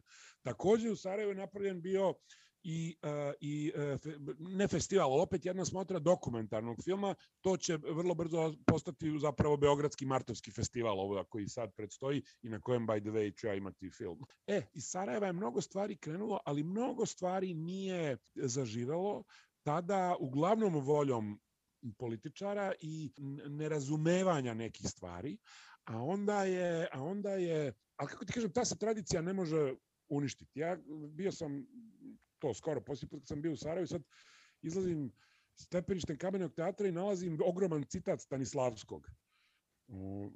I padnem u nesvest jer kao Stanislavski je sve protiv čega se Juco Korenić borio. Dakle, ideja tog Stanislavskog i te vrste E, e, glumačkog i rediteljskog izraza u psihološkom realizmu sa preživljavanjem, a pogotovo na način na koji je to na socrealistički način bilo dogmatski ono e, rađeno, pa i dan danas se naše akademije pozorišne toga nisu oslobodile. I ja vidim taj citat i kažem, gospode Bože, ovo je kao da kako da ti kažem, da odeš u Lamamu u New York i da ti tamo stoji, ne znam, ogroman citat iz, e, pa u stvari čak ne znam ni šta bi mogao biti pandan tome. Znaš, čak ne znam ni šta bi mogao biti pandan tome. Nečeg, nečeg što je potpuno suprotno ideji, nečeg što je e, e, kamerno, avangardno pozorište, koje može i da čita Stanislavskog na neki način, ali ne tako. Ne, opet dođemo do priče o ledini na kojoj smo ostavili djetu. Da. Ja mislim da ovde nekad stvari upale baš zato što krenu od ledine ili sa ledine. Znaš, mi da, da, da. ne nastavljamo gradnju, nego počnemo ono, sa ledine i prav, idemo iz početka i onda nismo dužni ni da nešto poštujemo, nego dođu, imamo nekad sreće, dođu neki talentovani ljudi pa i naprave i dobre stvari. Ali to sam te htio pitati, kad spominješ Beograd i mhm. uzma neki lijepi stvari, koje, stvari koje su krenule krenula iz Sarajeva. Ti si imao te stvari ne samo u gradu, nego si imao bukvalno u svojoj kući. Naravno, mislim na, na, na tvog oca, na Velimira, da, koji da, da. možda mladi ljudi koji nas slušaju ne znaju Velimir Stojanović, to sam tebi rekao, ja mislim, ja kad govorim o savremenoj dramaturgiji, ne smiješajući ga samo na ovaj prostor, ja kažem da savremena drama za mene na ovim prostorima počinje od Velimira Stojanovića. Ka, kako, neću sad pitati ono novinarski kako je bilo odrasati uz njega, ali kako je na tebe, kako si ti kupio taj uticaj i njegov i ljudi koje on cijenio, ljudi s kojima je radio i onda si, sa kojim si znanjem, sa kojom si željom otišao u Beograd 85. kad si upisao da, da. fakultet da. dramskih pa, Gledaj, gledaj, ja sad to ne umem mnogo da, da definišem, čak i kad bih teo, što kažeš, i kad bih pokušao ono kao za gloriju sad to da, da, da, da, da, da odradim, ali e, moj čale umrao 84. godine, 4. novembra, a ja sam do godine otišao u, u, na akademiju. I govorit ću ti iz, iz savremenosti. Dakle, ja sam sada, evo, pre nekoliko dana, možda desetak dana, sa Zvezdara teatru sa Duškom Kovačevićem se dogovorio da radim Nije čovjek ko ne umre u, u, u Zvezdari. Osmelio sam se i usudio se posle u svojoj 31. profesionalnoj pozorišnoj sezoni. Iz dva razloga. Jedan je taj što, što je prosto su se stekli uslovi neki ono s polja, ali jedna druga stvar je to što je trebalo da, da se na neki način oslobodim te predstave, koju je vjerojatno predstava koju sam najviše puta u životu gledao, a to je ta, taj taj komad u kamernom teatru u kome su igrali Zijak Sokolović i Zoran Bečić, Milenko Vidović i prvo je podeli Nada Đurevska, kasnije Jasna Beri i Aleksandar Aca Mićić, jel? I ta predstava je išla mnogo godina, posljednji put je odigrao na u, tati u počast posle smrti njegove. E, tad su već skoro svi nabrojani e, bili, sem jasne, svi bili van kamernog. Dakle, Zoka je otišao u, u, u Narodno, Zike je bio tad već postao slobodnjak, Aca Mić je takođe bio narodom, a Milenković mi se već bio u penziji. Uglavnom je, trebalo mi je 30 godina, dan danas znam svaki sekund, naravno, te predstave na pamet ali mi to više nije opterećenje. Dakle, znam šta bih ja sad na tu temu, mada malo, malo lažem, pre jedno 20 godina je takođe bila ideja to radim, da je trebalo da igraju pre, Peca Eidus i, i, i Diklić, ovu dvojicu, i Gaga Nikolić, pokojni lekara i tako dalje. Zašto je se pričam? Zato što to je odgovor, znači, kako je bilo odrastati, odnosno šta to znači za mene, pa ne, zapravo velike razlike nema. U tom smislu sam, e, ja još nisam, niti ću verovatno ikada biti e, neko ko je ono, kako se to kaže, simbolički ubio oca, jeli? Da pače, činjenica njegovog fizičkog nestanka i činjenica da ja s njim imam svoje dijaloge, na nivou dnevnom, ono, da li bi on mislio da ja ovo radim dobro ili on vjerojatno ne bi voleo ovo što radi, ali ja bi mu možda rekao tada ovo i tako dalje. Dakle, to je jedan stalni dijalog, neprestani dijalog, unutarnji, ali, je, ali jeste. I u tom smislu je meni, to je ključna stvar, kao što je i moj majci meni otac, na, moj i njen suprug sa, e, sa tom, tom rečenicom nije čovjek ne umre, uspeo da na neki način i svoj fizički odlazak učini lakšim e, i svojom neprestanim ono, šalama na temu smrti i, i, i uopšte svega toga i relativizacijom te, tog apsoluta koji se zove smrt, tako je, tako je i njegov, e, njegova prisutnost stalna i u tom smislu ja nikad nisam prestao da budem e, Veljin sin koji ima desetak ili 11-12 godina i odrasta po filmskim pozorišnim festivalima i vodaju ga gde god oni idu dakle na sve moguće premijere i na sve moguće izložbe i, i koje kuda. To, to je nekako, te mere sve prožimajući deo mene da ja zapravo ni nemam otklon od toga. Na nivou, uh, kako da kažem, ja, ja ne mogu čak ni da možda do te mere prisutan moj čale Da, tako, patetično kažem u meni da ja čak ne mogu ni da napravim onu e, klasičnu mitizaciju i mitologizaciju oca na način, ono, Eduard sam, razumeš, i, i e, kod Kiša, jel? Na, na, na taj jedan literarni, aj tako da kažem, način, da, da napravim mitologiju od toga, jer to je, to je tu, to je sve vreme tu. Tako da ja u stvari, meni je sve bilo prirodno. Zvučaće pretencijno, ali to je tako. Meni je bilo prirodno sve što mi se desilo kasnije u životu. Ja sam, dakle, upisao pozorišnu režiju, a ne filmsku, jer sam se za to tako odlučio. A kad sam radio prvi film, nikome nije bilo prirodno što ja radim taj film, kao već etablirani pozorišni reditelj, dosta rano, eto, srećom, što je meni takođe bilo prirodno. Ja sam mislio da je sve prirodno i normalno, jel?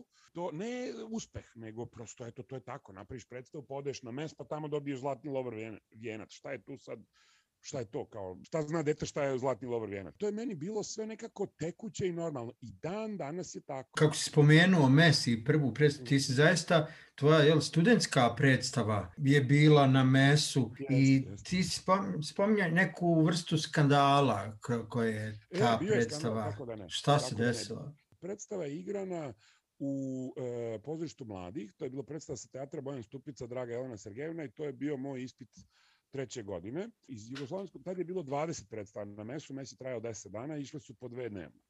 I iz Jugoslovenskog dramskog je išla uh, Harisa Paševića predstava Dozivanje ptica, a ovo je bilo dan ranije ili dan kasnije, ne mogu se setim, dakle, ono, istom trošku kad već dolazi jel, iz grada, iako je pa ne iako, nego i dvoje glumaca, troje glumaca je igralo u jednoj i drugoj predstavi, od pet koj, kojih je uopšte bilo u Sergejevni.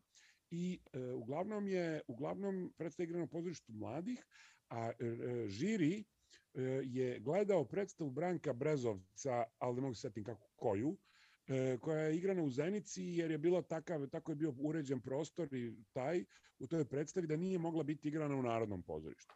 Te onda žiri trebalo da dođe, ono što se i dan danas dešava. Da, da, iste stvari. Igraju tako u Zenici. I žiri je trebalo da dođe. I naravno neka publika, ali ja pričam sad o žiriju.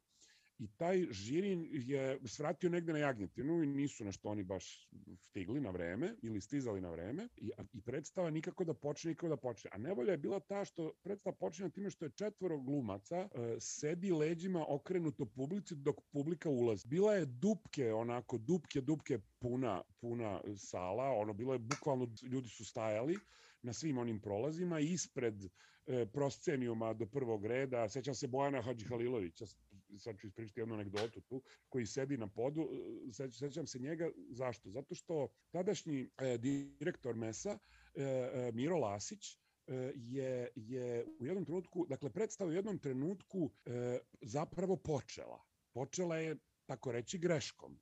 Inspicijent je mislio da je dobio znak i dao je E, e, znak da predstava počne, pošto su ovi ljudi okrenuti leđima, on njima nije jasno šta se dešava. Umesto 15 minuta, oni sad sede već 40 minuta okrenuti leđima i ne znaju šta se dešava i sve čekaju da predstava počne. Čuju žamor, ali ne dobivaju štimung i ne dobivaju znak da počne. I onda počnu i krene, predstava počne nekom, nekim, nekim pevanjem i e, u jednom trenutku se popne na scenu Miro Lasić i krene paralelno sa Nebojšom Ljubišićem koji dovršava tu, taj song koji otpeva u publiku i izgo, treba izgovori prve replike. On, on e, bez mikrofona, bez ičega, Miro Lasić prekida predstavu. Na šta ga e, Ljubišić gurne i urlikne nastavi. I sad predstava se nastavi. E, Miro Lasić nekako spadne sa predstavom, da tako kažem ovaj, i predstava se nastavi i onda nam upale svetlo. Dakle, ode, otrči tamo gore u, u, u svetlosnu kabinu i naredi da se ukine štimung, da se upali svetlo u sali, jel, da se sve... I sad nastane jedno zgranjavanje i glumci se povuku, a ja sam na drugoj strani, skroz na kraju, koji sam došao samo da vidim taj početak i sad ne znam šta da radim i u jednom trenutku da li mi je neko gurnuo, da li mi je neko rekao hajde ti, jer nikog iz Jugoslovenskog dramskog nije bilo, je, na primjer, Stefan Milenković imao koncert u Narodnom pozorištu u sred toga, pa su Jovan Čirilo, tadašnji upravnik i zamenik, nego Branko Cveć otišli na koncert Stefana Milenkovića i Filharmonije Sarajevske. Ja sad istrčavam kroz raju, prolazim i neovlašteno kažem da će predstava početi, a pritom ja ne znam šta se dešava, tek treba da vidim šta je s glumcima. Uskoro kada, ne znam, su mi rekli kad se skupi žiri, tako ja tu nešto kažem, vere. Na šta Bojan Hadžović kaže, dobro nek nam Miro Lasić pjeva dotad. I potom sam zapamtio da je sedeo dole u, u, u, na podu, jeli? Tu ja odem i ovam glumci zbezumljeni i na kraju predstava predstava koja je stvarno svuda dobro prolazila tada u bivšoj Jugoslaviji bila onako jedan mali kult i u, i u, i u Beogradu. Jako rado gledana i a, a bilo je malo i neobičnija u odnosu na neke druge to je nešto radikalni štrih neki je to bilo sat vremena neke čiste energije neke lomljave a u stvari ta predstava je bila na neki način posvećena duhu i energiji predstava Egona Savina, prve njegove predstave s Bogom Juda, koja je takođe na mesu bila, i mislim dobila neke nagrade. I isto tako predstave uh, Vita Taufera, čuvene njegove ispitne predstave, diplomske, nedavno sa svi tome, tome pričao, Klasni neprijatelj, čuvena predstava. I to, ova, je, ova je predstava pod uticajem toga nastala, ja to ne da nisam krio, nego sam svuda ono pričao o tome. Sećam se da je pokojni Dalibor Foretić u danas u ondašnjem Zagrebačkom napisao kritiku hvaleći moju samosvest da kao spominjem to i eto tako.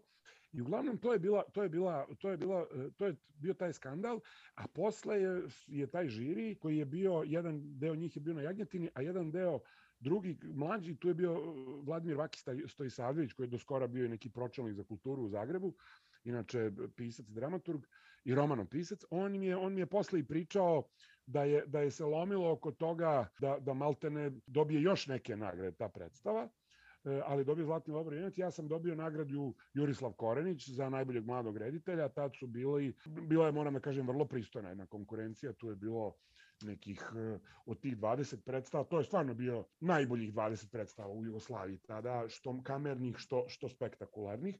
I sećam se da smo se pokojni Tomaš Pandur i ja, on imao čuvenog Fausta, on je bio od mene stariji svega tri godine, e, i mi smo se upoznali na pozornici primajući nagrade, i Roberto Čuli, sećam se Roberta Čuli, je isto tako upoznao to na trenutku, a ja sam došao na tu dodelu sa buretom, ali sve to što pričam su meni kao neke srednjoškolske anegdote. Ja nisam nikakvu težinu u svemu tome video, jer ne, zato sam ja sad prepotentan i pretenciozan, nego što je to bilo normalno. Kao što je bilo normalno da Haris Pašović, ne znam, pre toga godinu, dve, triumfuje sa svojim buđenjem proleća na bitefu, na, na, na mesu. Kao što, sve to nekako nama bilo prirodno i normalno. Ja sad pričam samo o Sarajlijama, mogu bi da pričam da. i drugim ljudima iz drugih grada. Ali evo ti si, ti si sve ove godine radio, ja ne znam koji je to broj, koliko, sad govorimo samo o predstavama, poslije, volio bi da, volio poslije spomenemo i filmove, naravno.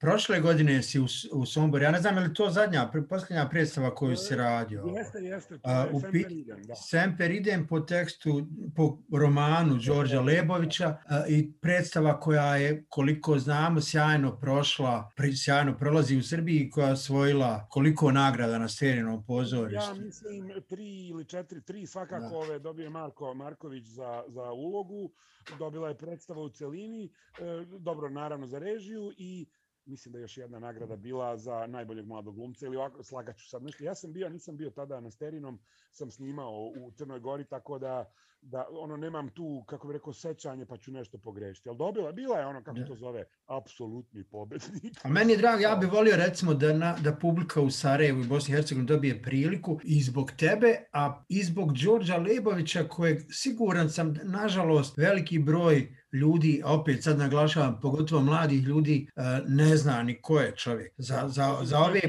Da, za, za jeste, ove, evo ovaj podcast počne sa muzikom iz tog filma, a Đorđe Lebović je Znači, radio na, scena, na tri scenarija, koliko znam. Tako je, tako.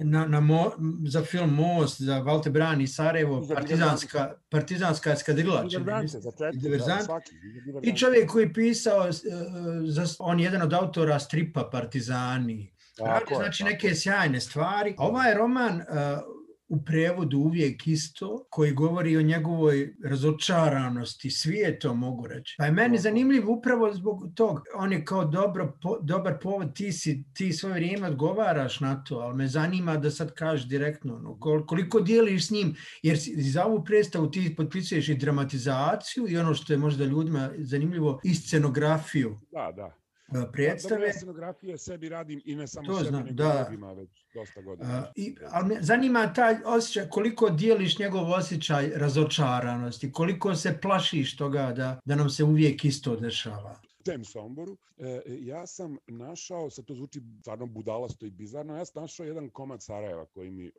nedostaje, a to je ono, neko bi rekao Austrugarsko Sarajevo i verovatno ima nešto od toga, od te topline iz detinstva i e, baka Laura u mog detinstva, dakle čime smo i počeli ovaj segment priče, baka Laura odgovara e, malom Đorđu kad on pita šta je uvek isto jer preko puta pozorišta Somborskog se nalazi ta crkva evangelistička koja je u upotrebi na kojoj je stajalo to Semper idem i kad god ulaziš u službeni ulaz pozorišta ti vidiš to. Crkva je nedavno obnovljena, ali vrlo bizarno su zaboravili da vrate natpis Semper idem. To je, to je tako prosto, to je nešto pomalo tipično Sombors. E, uglavnom, uglavnom, i onda je izašla pre 15 godina ta knjiga. Izašla je u nekom relativno obskurnom izdanju i onda je, pa onda je izašla u jednom drugom praktično piratskom izdanju I sad je konačno to u Lagunino, već ima 4, 5, 6 izdanja. I stvarno izvrstan roman i tu je Teofil Pančić u pravu, to je stvarno prvo remek delo srpske književnosti u 21. veku, tu nema, nema šta. I Baka Laura odgovara na pitanje Đorđevo šta je zlo, e, šta je uvek isto, ona kaže zlo, zlo je uvek. To može s jedne strane da bude i kao nekakva pesimistička poruka i ona to svakako jeste. A sa druge strane može da bude jedna opomena i neki naputak za daljni život. Ja na, neka, na jedan određeni način je to možda, to se osjeća i u romanu, a i u nekim drugim prozama, pa i u nekim ispovednim rečenicama koje je supruga, druga supruga Đorđa Lebovića skupila jednu knjigu. Taj mali naputak te njegove e, e bakalaure e, je nešto što je Đorđu pomoglo da se spasi kroz... On je bio u svim konclogorima koji postoje. On je otišao u čuvenom drugom hladnom talasu Vojvođanskog. Dakle, oni hladni dani 42. o kojima Kiš govori, koji su bukvalno potpuno slučajno njegov otac tada preživao, stradao je kasnije.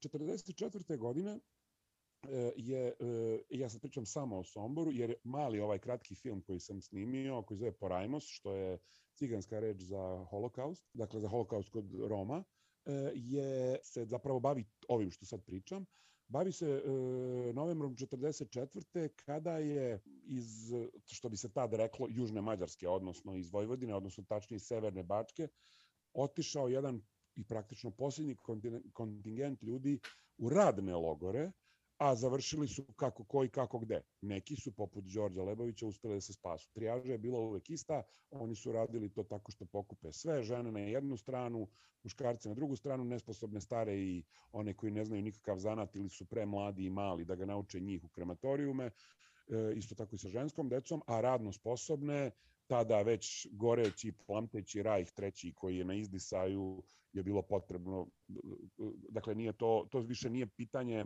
konačnog rešenja, nego je to pitanje ono je li nad jevrejima, nego je to pitanje ili ili Romima, nego je to pitanje radne snage. To je ekonomsko pitanje, mislim cinično rečeno. I Đorđe je bio u tom talasu i vratio se. I vratio se zahvaljujući nekim svojim e, to i piše u knjizi, ali to, tako jednom sposobnošću da se seti da da, da, da razume da postoji zlo. Jer on kroz ceo komad, e, kroz ceo roman, ali kroz ceo komad se provlači ta jedna, a zašto? Zašto nam to rade? To, to pita mala jevrejka koja će kasnije stradati, to pita e, on, sebe, druge, zašto se to dešava, zašto, zašto, zašto, zlo je uvek isto. I na neki način je to neka vrsta opomene i naputka za daljni život, jedna, jedna gruba životna lekcija koju ta divna baka Laura e, izgovara i e, na tom se luku, evo sad, sad zapravo ti odgovaram ko na ispitu iz dramaturgije, jel, ti si profesor dramaturgije pa ti ja sad odgovaram, e, e, znači na tom luku od tog pitanja i e, tog odgovora koji nije definitivan, ali je neka vrsta e, odgovora koji sadrži pesimističku viziju sveta, ali istovremeno je i praktični,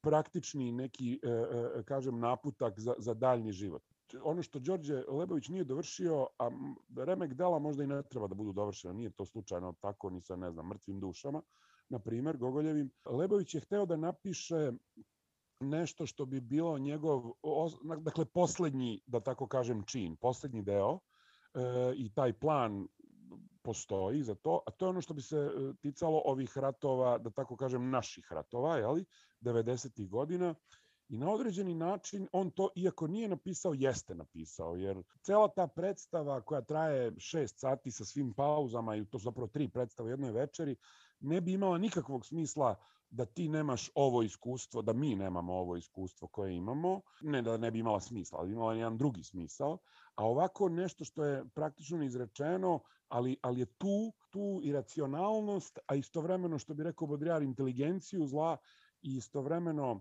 e, e, tu sveprisutnost, sveobuhvatnost, je jedan, jednu, jednu narkomaniju zla, jednu, jednu ovisnost o, o činjenju zla, to se nadam i čini se da jeste predstava nekako uspela da, da, da učini prihvatljivim za publiku, a da nije patetično, mada smo mi se tokom tokom ono rada na predstavi, mislim, od prve čitaće prve bukvalno raspadali na nekoliko mesta, nije moglo, moralo preko. Ono, znaš, kad je ceo ansambl u suzama i svi saradnici u suzama i tehničari u suzama, tu sad baš nema rada. Ali srećom postoji taj fenomenalni humor Lebovićev koji na sceni kad se izgovori dobija još više, ja malo sebi tu utvaram da sam malo u tome ja doprineo, jer jer ipak sam i ispisao neke stvari. Sve reči unutra samo Lebovića, ja se nadam da sam bio dovoljno kongenijalan tome, u navodnim znacima naravno, i onda je, onda je, onda je to spas od, to, od tog, od toga da to ne, ne, ne bude ono što se vrlo često dešava u takvim,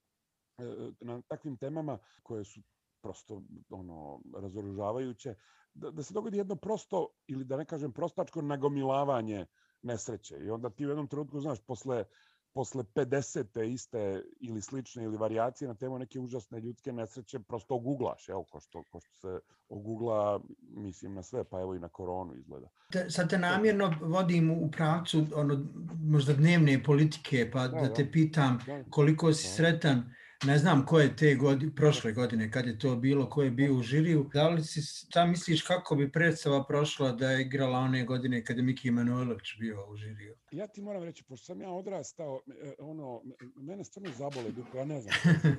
Stvarno najiskrenije ne znam. Ne, ne, ne, naravno, šta, nego pitam te ovo zbog ove Mikijeve reakcije kojom... Pa dobro, nije samo. Miki, tu je bila i pokojena Isidora Žebeljan i Nikita Milivojević da. i, i Miki... Dobro, on je bio glasnogovornik.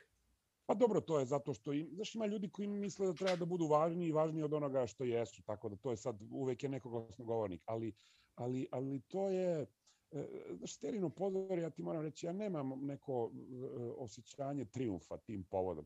Meni je bilo mnogo važnije da kad predstava ode na stadion zvani velika scena, ne ono što oni zovu mala scena, nego velika scena Srpskog narodnog pozorišta, dakle, e, ne Pera Dobrinović, nego Jovan Đorić, dakle, scena koja je predviđena za opere i koja ima ogromni otvor e, e, pozornici, tako da ta naša intimistička predstava, bez obzira na njeno trajanje i na broj, broj ljudi koji se nađu na sceni, 20 ljudi koji su u, u, u predstavi, da li će to tamo da propadne? I kad su mi pustili, ja sam došao sa snimanja u TIV, u Tivatu hotel i pustili su mi direktno ono aplauz sa 6 sati eh, od 900 i nešto mesta, znači pola sale je bilo, jer ono svako drugo mesto je bilo prazno, jer je bio COVID kao protokol, dakle 450 ljudi nije niko izašao, aplaudirali su, to je trajalo minutima, ja sam znao da je to to, ne zato što sam populista, nego zato što ta publika očigledno smo to što smo radili u Somboru uspeli i tamo da uradimo, prešla je ono emocionalno, ali i na drugi način reagovalo se, smejali su se ljudi kada je trebalo smeju, plakali kada je trebalo plaču, jer to jeste predstava koja prosto izaziva tu reakciju. A šta će tim povodom reći neki žiri, to je pravo ti kažem, ja više se nećem šta je bila konkurencija, to jako mnogo zavisi od toga. Što bi rekao moj pokojni otac, žiri je skup nevoljnika, to je neka ad hoc situacija, ono, koga boli dupe za to. Čovjek samo mora da, da, da, da, da razume da to da to nema nikakvu težinu, a ja sam odrastao u Socijalističkoj federativnoj republici Jugoslaviji, gde su sve odluke svih žirija u svim pulama, sterinim pozorima i mesovima uvek bile plod ogromnog kompromisa, koji srećom u ona vremena nije mnogo grešaka pravio, ali jedan ogroman broj grešaka jeste, između ostalog, za životnu svoju, za najbolju ulogu koju je odigrao u pozorištu i vratno u životu za Afrića u hrvatskom Faustu, Unkovskog jugoslovenskog dramskog, a naravno Slobodana Šnajdera, Miki Manolić nije dobio Sterinu nagradu te godine, e, nego je dobio sledeće godine za svoju bezveznu ulogu kad su cvetale tikve e, e, iz Narodnog pozorišta u Beogradu, prosto ne znam šta je beznačajnije bilo ta predstava njegova uloga. Tako da je mene više iznenadilo to njegovo, što bi rekao, e, južno od Beograda, kurobecanje na temu nagrada i svega toga, ali kako ti kažem, to sam rekao lično, pa onda nemam potrebu sad da, da nešto to dalje obrazlažem ono, mislim, s oproštenjem jebe žirija. Ne, ja sam to pitao namjerno, do, do nekle... je da, znaš, da, da postoji pozorište i da ono, da ono vrši svoje, no. svoju misiju i svoje radnje, a ovo je, ovo je sve nus pojava. Meni je drago, prvo ja sam, do mene su došle neke kritike o, o predstavi i drago mi je su sve pohvalne, lijepe stvari sam pročito o, o tvojoj predstavi od, od tih ljudi, zato je, kažem, i zbog knjige... Ja, ja bih stvarno voleo to ljudi vide, da. Ja bih stvarno volio to ljudi vide i zbog Đorđa Lebovića i zbog tog da. strašnog ansa, fenomenalnog ansambla Somorskog i zbog Marka Markovića koji igra, dakle, Đorđe u toj predstavi koji je u svih tih, ok, 6 sati s pauzama, ali 5 sati e, kad se oduzmu pauze, skoro 5 sati glume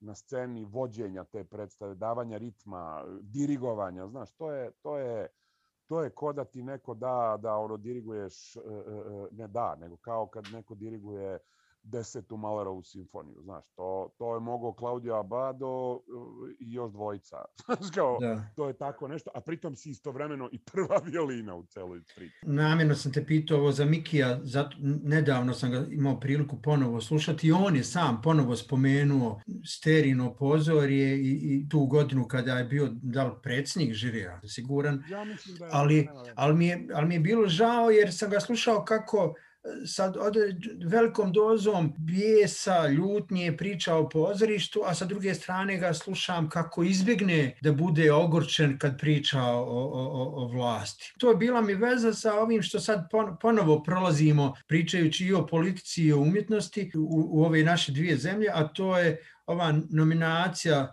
za Oscare sa dva filma Ko vadi Saida i Dara iz Jasenovca. To je postalo onako top tema. Da. Htio sam te pitati koliko ti to pratiš, da li si pogledao filmove? E, e, gledao sam ovako, Dara je juče bila ovdje na, na televiziji. Ja sam gledao prvih sat uh, ono gledao, a onda sam otišao da gledam Zorana Kesića emisiju, pa sam posle dogledao. Izvini, ovo je već krit, kraj, onaj, ovo je kritika. Pa, poče... šta, gledao da. sam sat, onda sam otišao gledat Kesića. pa da, da. onda, sam, onda sam se vratio i, i dogledao film i to je prosto slab film. Dakle, ne da. mislim da to da, propaganda, propaganda je sve, to je prosto slab film i to, to je film u kome za, e, e, jasnovni film sam takođe gledao to je film koji je naravno film pre svega i puno bolji film ono što meni jedino je kako bih rekao postoji jedan jedna, jedan broj onih epskih kadrova pa čak i celih sekvenciji u filmu kod Jasmile koje, koji meni tom filmu ne pripadaju. Za razliku od Antonijevićevog filma koji nekako nikako da se uspostavi kao dramska situacija, nego biva nekakvo ilustrovanje nekakvog, neke teme. E, e, ovaj, ovaj film je naravno pre svega film, film koji ima sve što jedan film treba da ima. Jedino što je meni, a ja jako volim, dakle meni je Grbavica fantastična, jako volim onaj Jasmilin film, pa mislim svi filmovi Jasmilin su dobri, ali jako volim onaj film koji se dešava u Višegradu,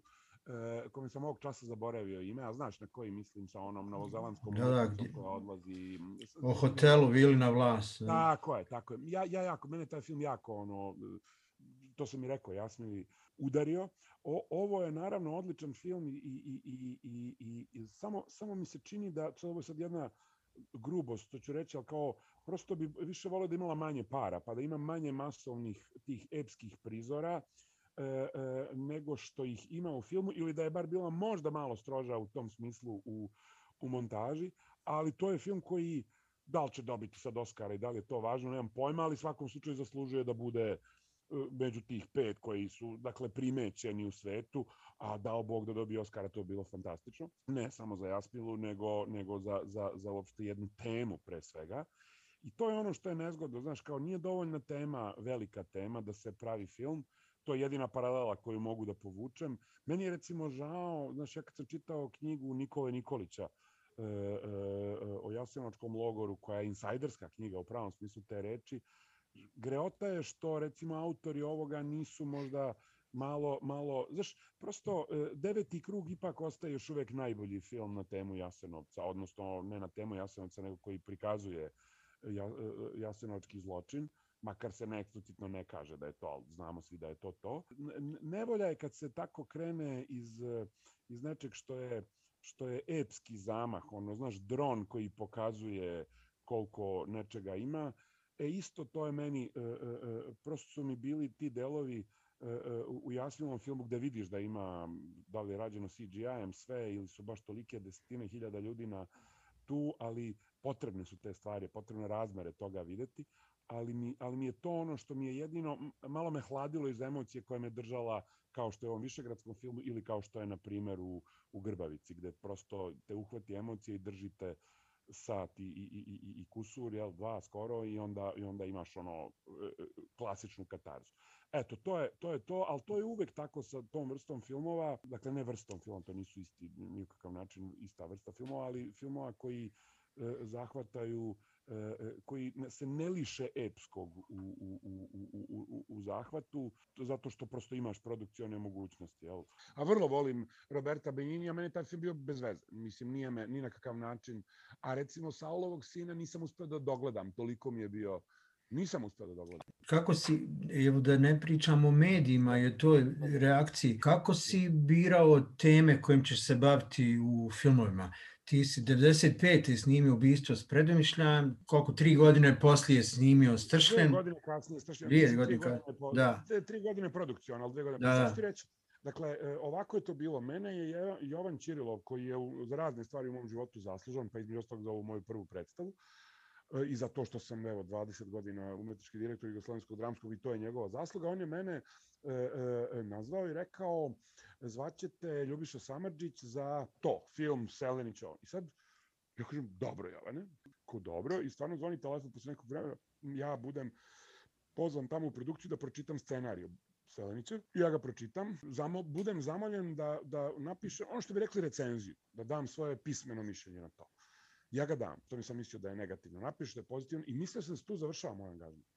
I kad sam došao drugi put u produkciju, sedeli su moj profesor Selenić, dakle moj profesor dramaturgije na, na četvrtom semestru, i Samadžić i meni kaže, Boba, mi smo ga tako zvali, kako ste Gorče, ono, pa i nekako, ne znam ko je čak od njih dvojice izgovorio, pa da, ovo je dobro, meni, ja se slažem s ovim, Bobi govorim sada, kao, jel bi ti režirao taj film? Ja kažem, bih. I to, to je razgovor, toliko je to trajalo.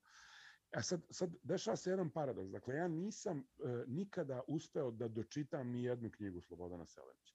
Ja sam, pa to je bizarno, znači, zato što meni se, e, kako bi rekao, njegovo pisanje, dakle ne tematske e, preokupacije, ne to, to nego bukvalno stil pisanja, jedina koju sam pročitao je bilo ubistvo s predomišljajem nekih pola godine ranije ili tako nešto, zato što je tadašnja moja devojka to imala kraj uzglavlja i ona je negde nije bila tu, ja sam uzeo da pogledam šta to ona kao čita i te noći u cugu pročitao roman i zaključio da, da mi se ne sviđa taj jezik kojim kao govori glavna junakinja, ok, da je to neki pokušaj stilizacije nekog slenga beogradskog, a sam ipak, ipak to pročitao u cugu. Odnosno, to je imalo onu, e, da me pogrešno ne shvatiš, onu vrednost, ali nećeš me pogrešati jer si profesor mm. dramaturgije. Dakle, onu malo palpi vrednost, malo, malo nečeg što se lako čita, jel?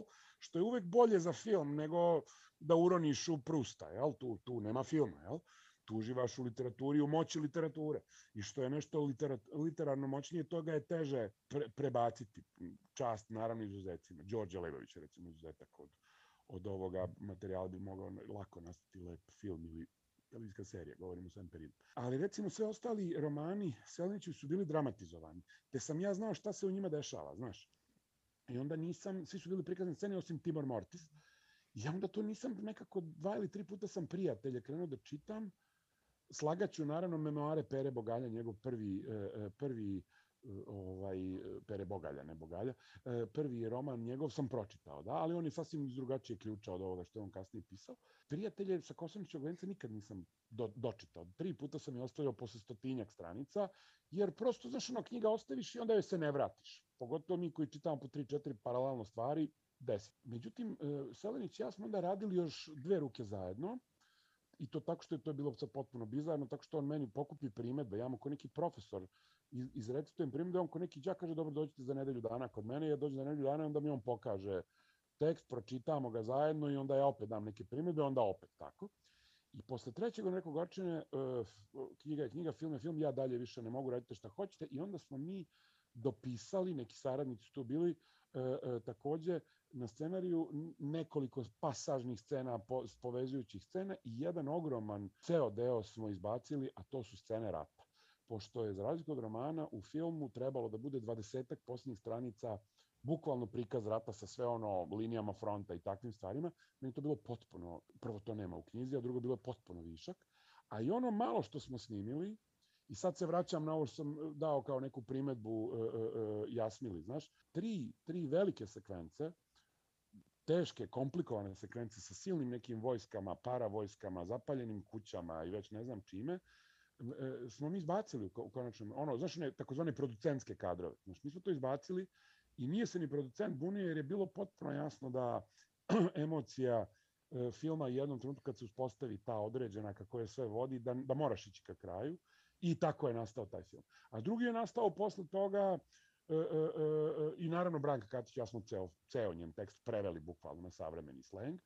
A slično se desilo i kad smo Sergej, e, Mira Joković i ja praktično e, ponovo napisali scenario koji nije bio predviđen da bude na engleskom, bilo nešto malo albanskog, mi smo ga prebacili da se praktično njih dvoje skoro sve vreme sam jednog malog, dva mala trenutka govore srpski, a ostalo vreme govore, govore engleski i naravno još je dopisane su neke scene koje su posle prevedene na albanski, to je taj film, jel? Tako da eto, to, tako su ti filmovi nastali e, na, na, na fonu uspeha prvog sam pozvan da taj drugi radim. E, originalni scenarij za stršljanje, ali nije hteo da se potpiše, iako je naplatio. Prvu ruku je pisao Điđa Karanović, a onda posle je potpisan Zoran Kostić koje po, čijem, po čijoj priči je zapravo, koja je delimično navodno istinita, je e, e, napisan, napisan e, druga i treća ruka scenarija. Sad mi se sve više čini kako je ubistvo s predomišljajem pripremna scena za Semper Idem. Znaš kako, teško je reći, znaš, ja sam puno predstava radio. Ne, ne, mislim na ovom idejnom, znaš, ova priča o, o zlu koje, ja mislim da je to film koji se bavi istom. Jedna, ima jedna predstava koja je meni jako važna u mom životu. To je moja šesta predstava, ja mislim peta ili šesta, došla je posle Hamleta i posle ove Jelene Sergejevne i posle Fazbinderovog žabara i Svetog Nika, to je po, po, po životu i delu Nick Cave-a, jeli? E, predstava u kojoj su čak i neki Nick, e, Cave-ovi daramoleti bili. I onda sam radio Mein Kampf Georga Taborija i moja, dakle, predstava posle dakle, peta ili šesta, sad ne umem da kažem, se zvala Posljednji dani čovečanstva po delu Karla Krausa. Ona je izašla septembra 94. godine i ta predstava je to je naravno najduža jeli, drama evropska i ona ima preko 900 stranica, hiljadu i nešto likova, ne znam koliko scena, blizu hiljadu scena.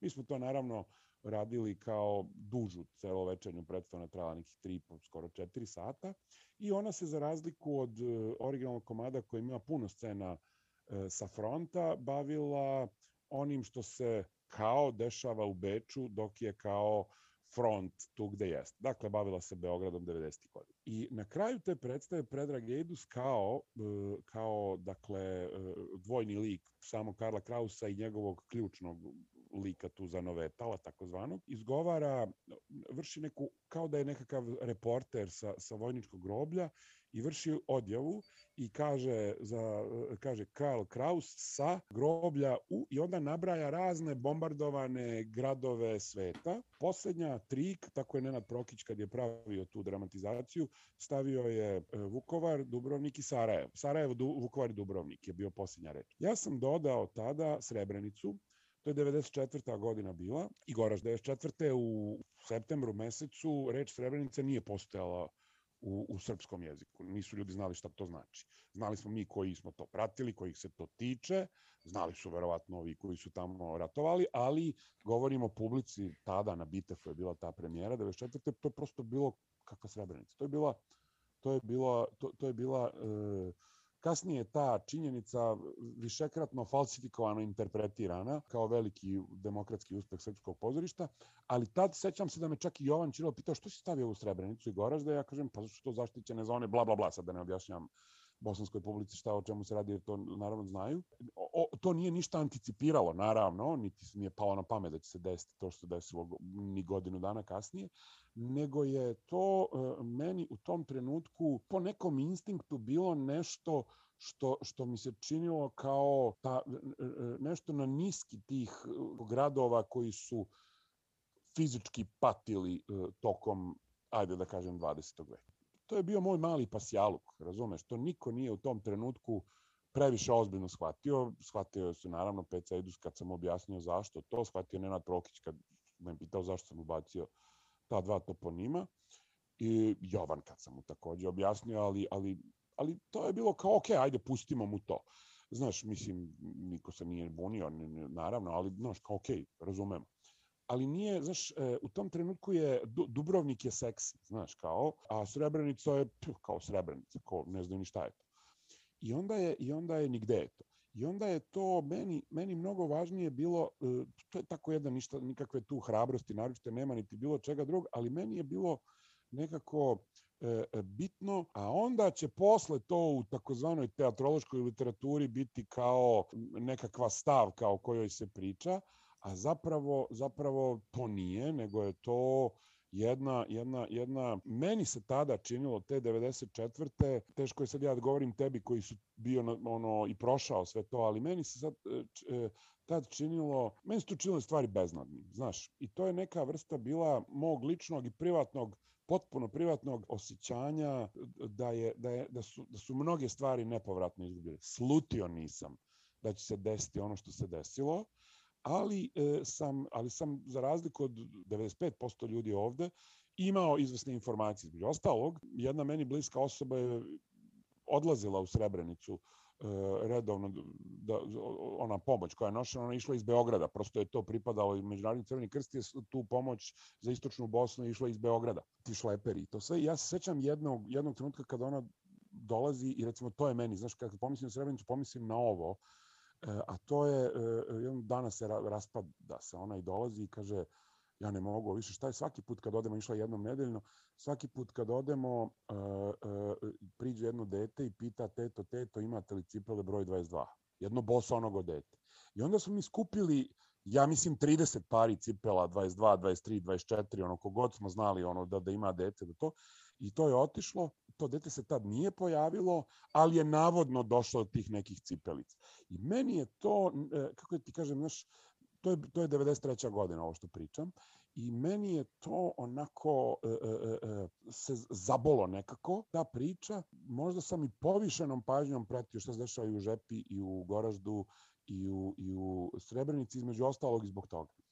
E, ovo ti se pričam ne zato što e, e, dakle time pokazujem bilo kakvu svoju veličinu ili bilo šta, tome slično, nego, jer se o tome ne radi, nego se radi o tome da je ta mala jedna pojedinačni motiv, nešto što na određeni način je meni izazvalo emociju čak veću nego kad, kad, kad se masakr desio, i e, na onaj jedan sličan način na koji su se recimo raspo kad se da gori vječnica ili da je 9. novembra da je streći srušen Mostarski most, razumeš? Ili... Imaš li planove za, za, za naredni film? Radiš na tome? Imam, e, ne, ne, za film, za film nisam siguran zato što imam, postoji jedan scenario koji sam ja pod nečim, e, pod nečim, po, po, po nagovoru ili po, po nekoj dalekoj ideji jednog mog drugara, E, napisao 75%, a pravo ti kažemo, smelio sam se posle ovog rada na, na,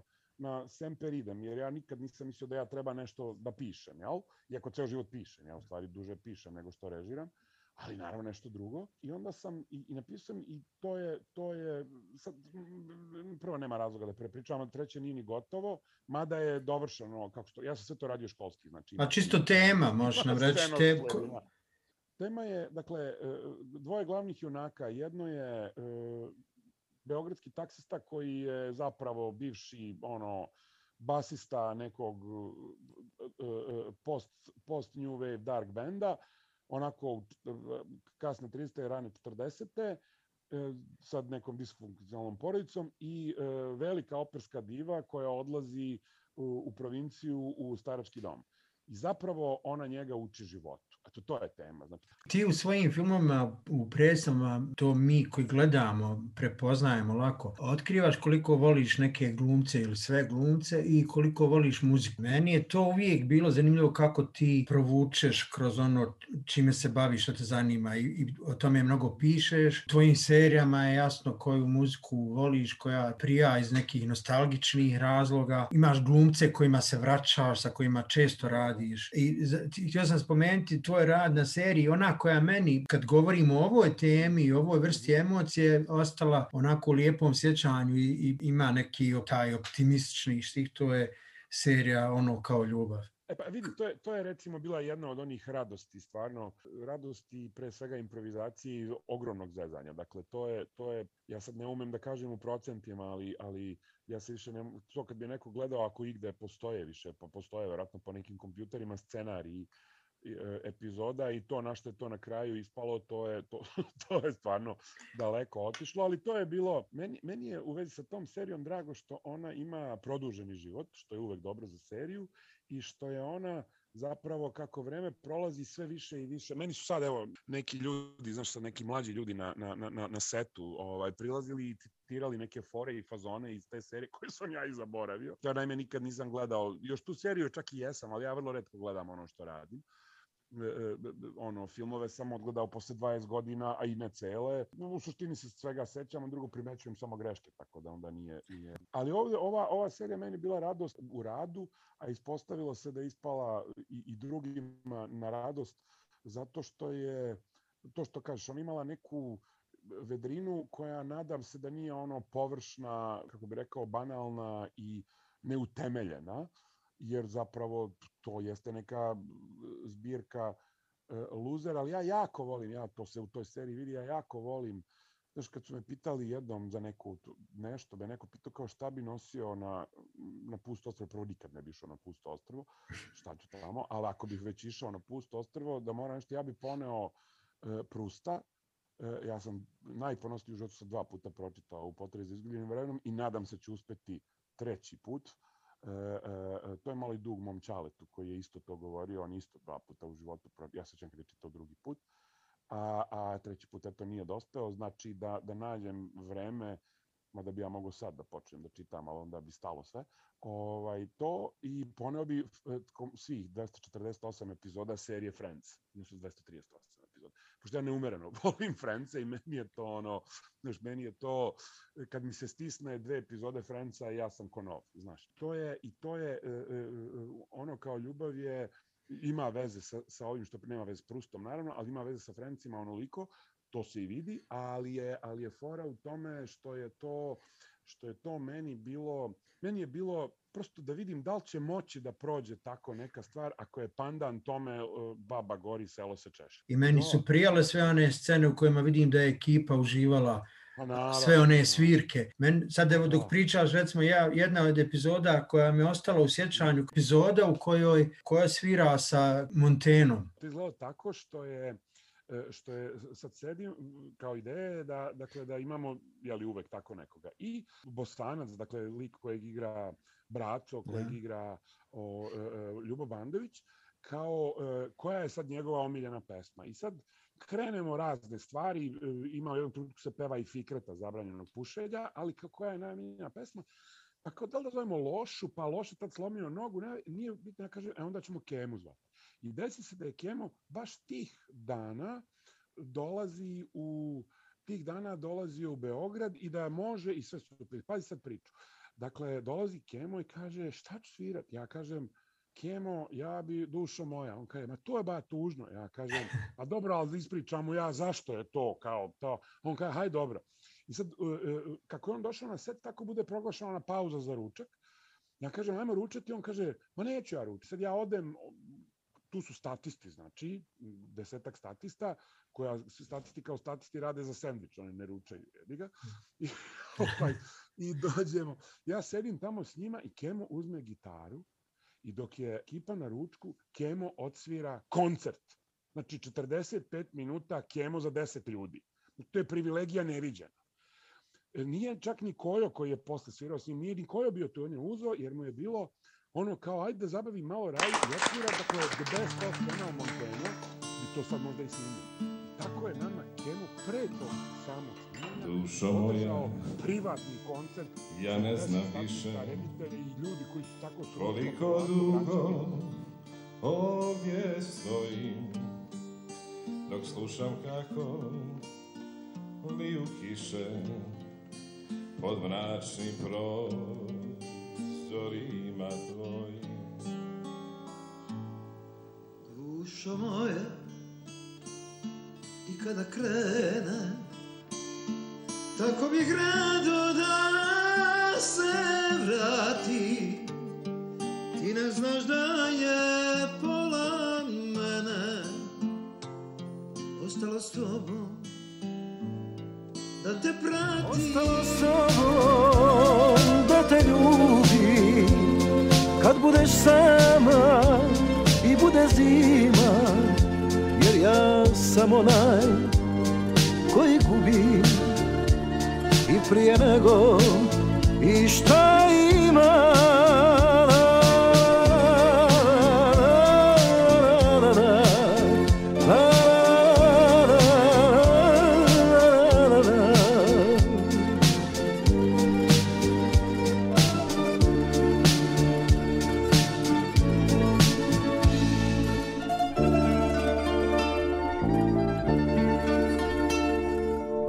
Moja kaplja vode. I ti se topiš na mom dlanu Jer s tobom dođe i bez tebe ode. Stotinu dana u jednom danu Dušo moja, ti umorna si. I bez tebe Na nekoj zvijezdi što se gasi Ja tražim svjetlo koje nemam. Pod hladnim nebom ispod granja Stavit ćeš glavu na moje grudi Jer ja sam onaj koji sanja. I zato neću da te budim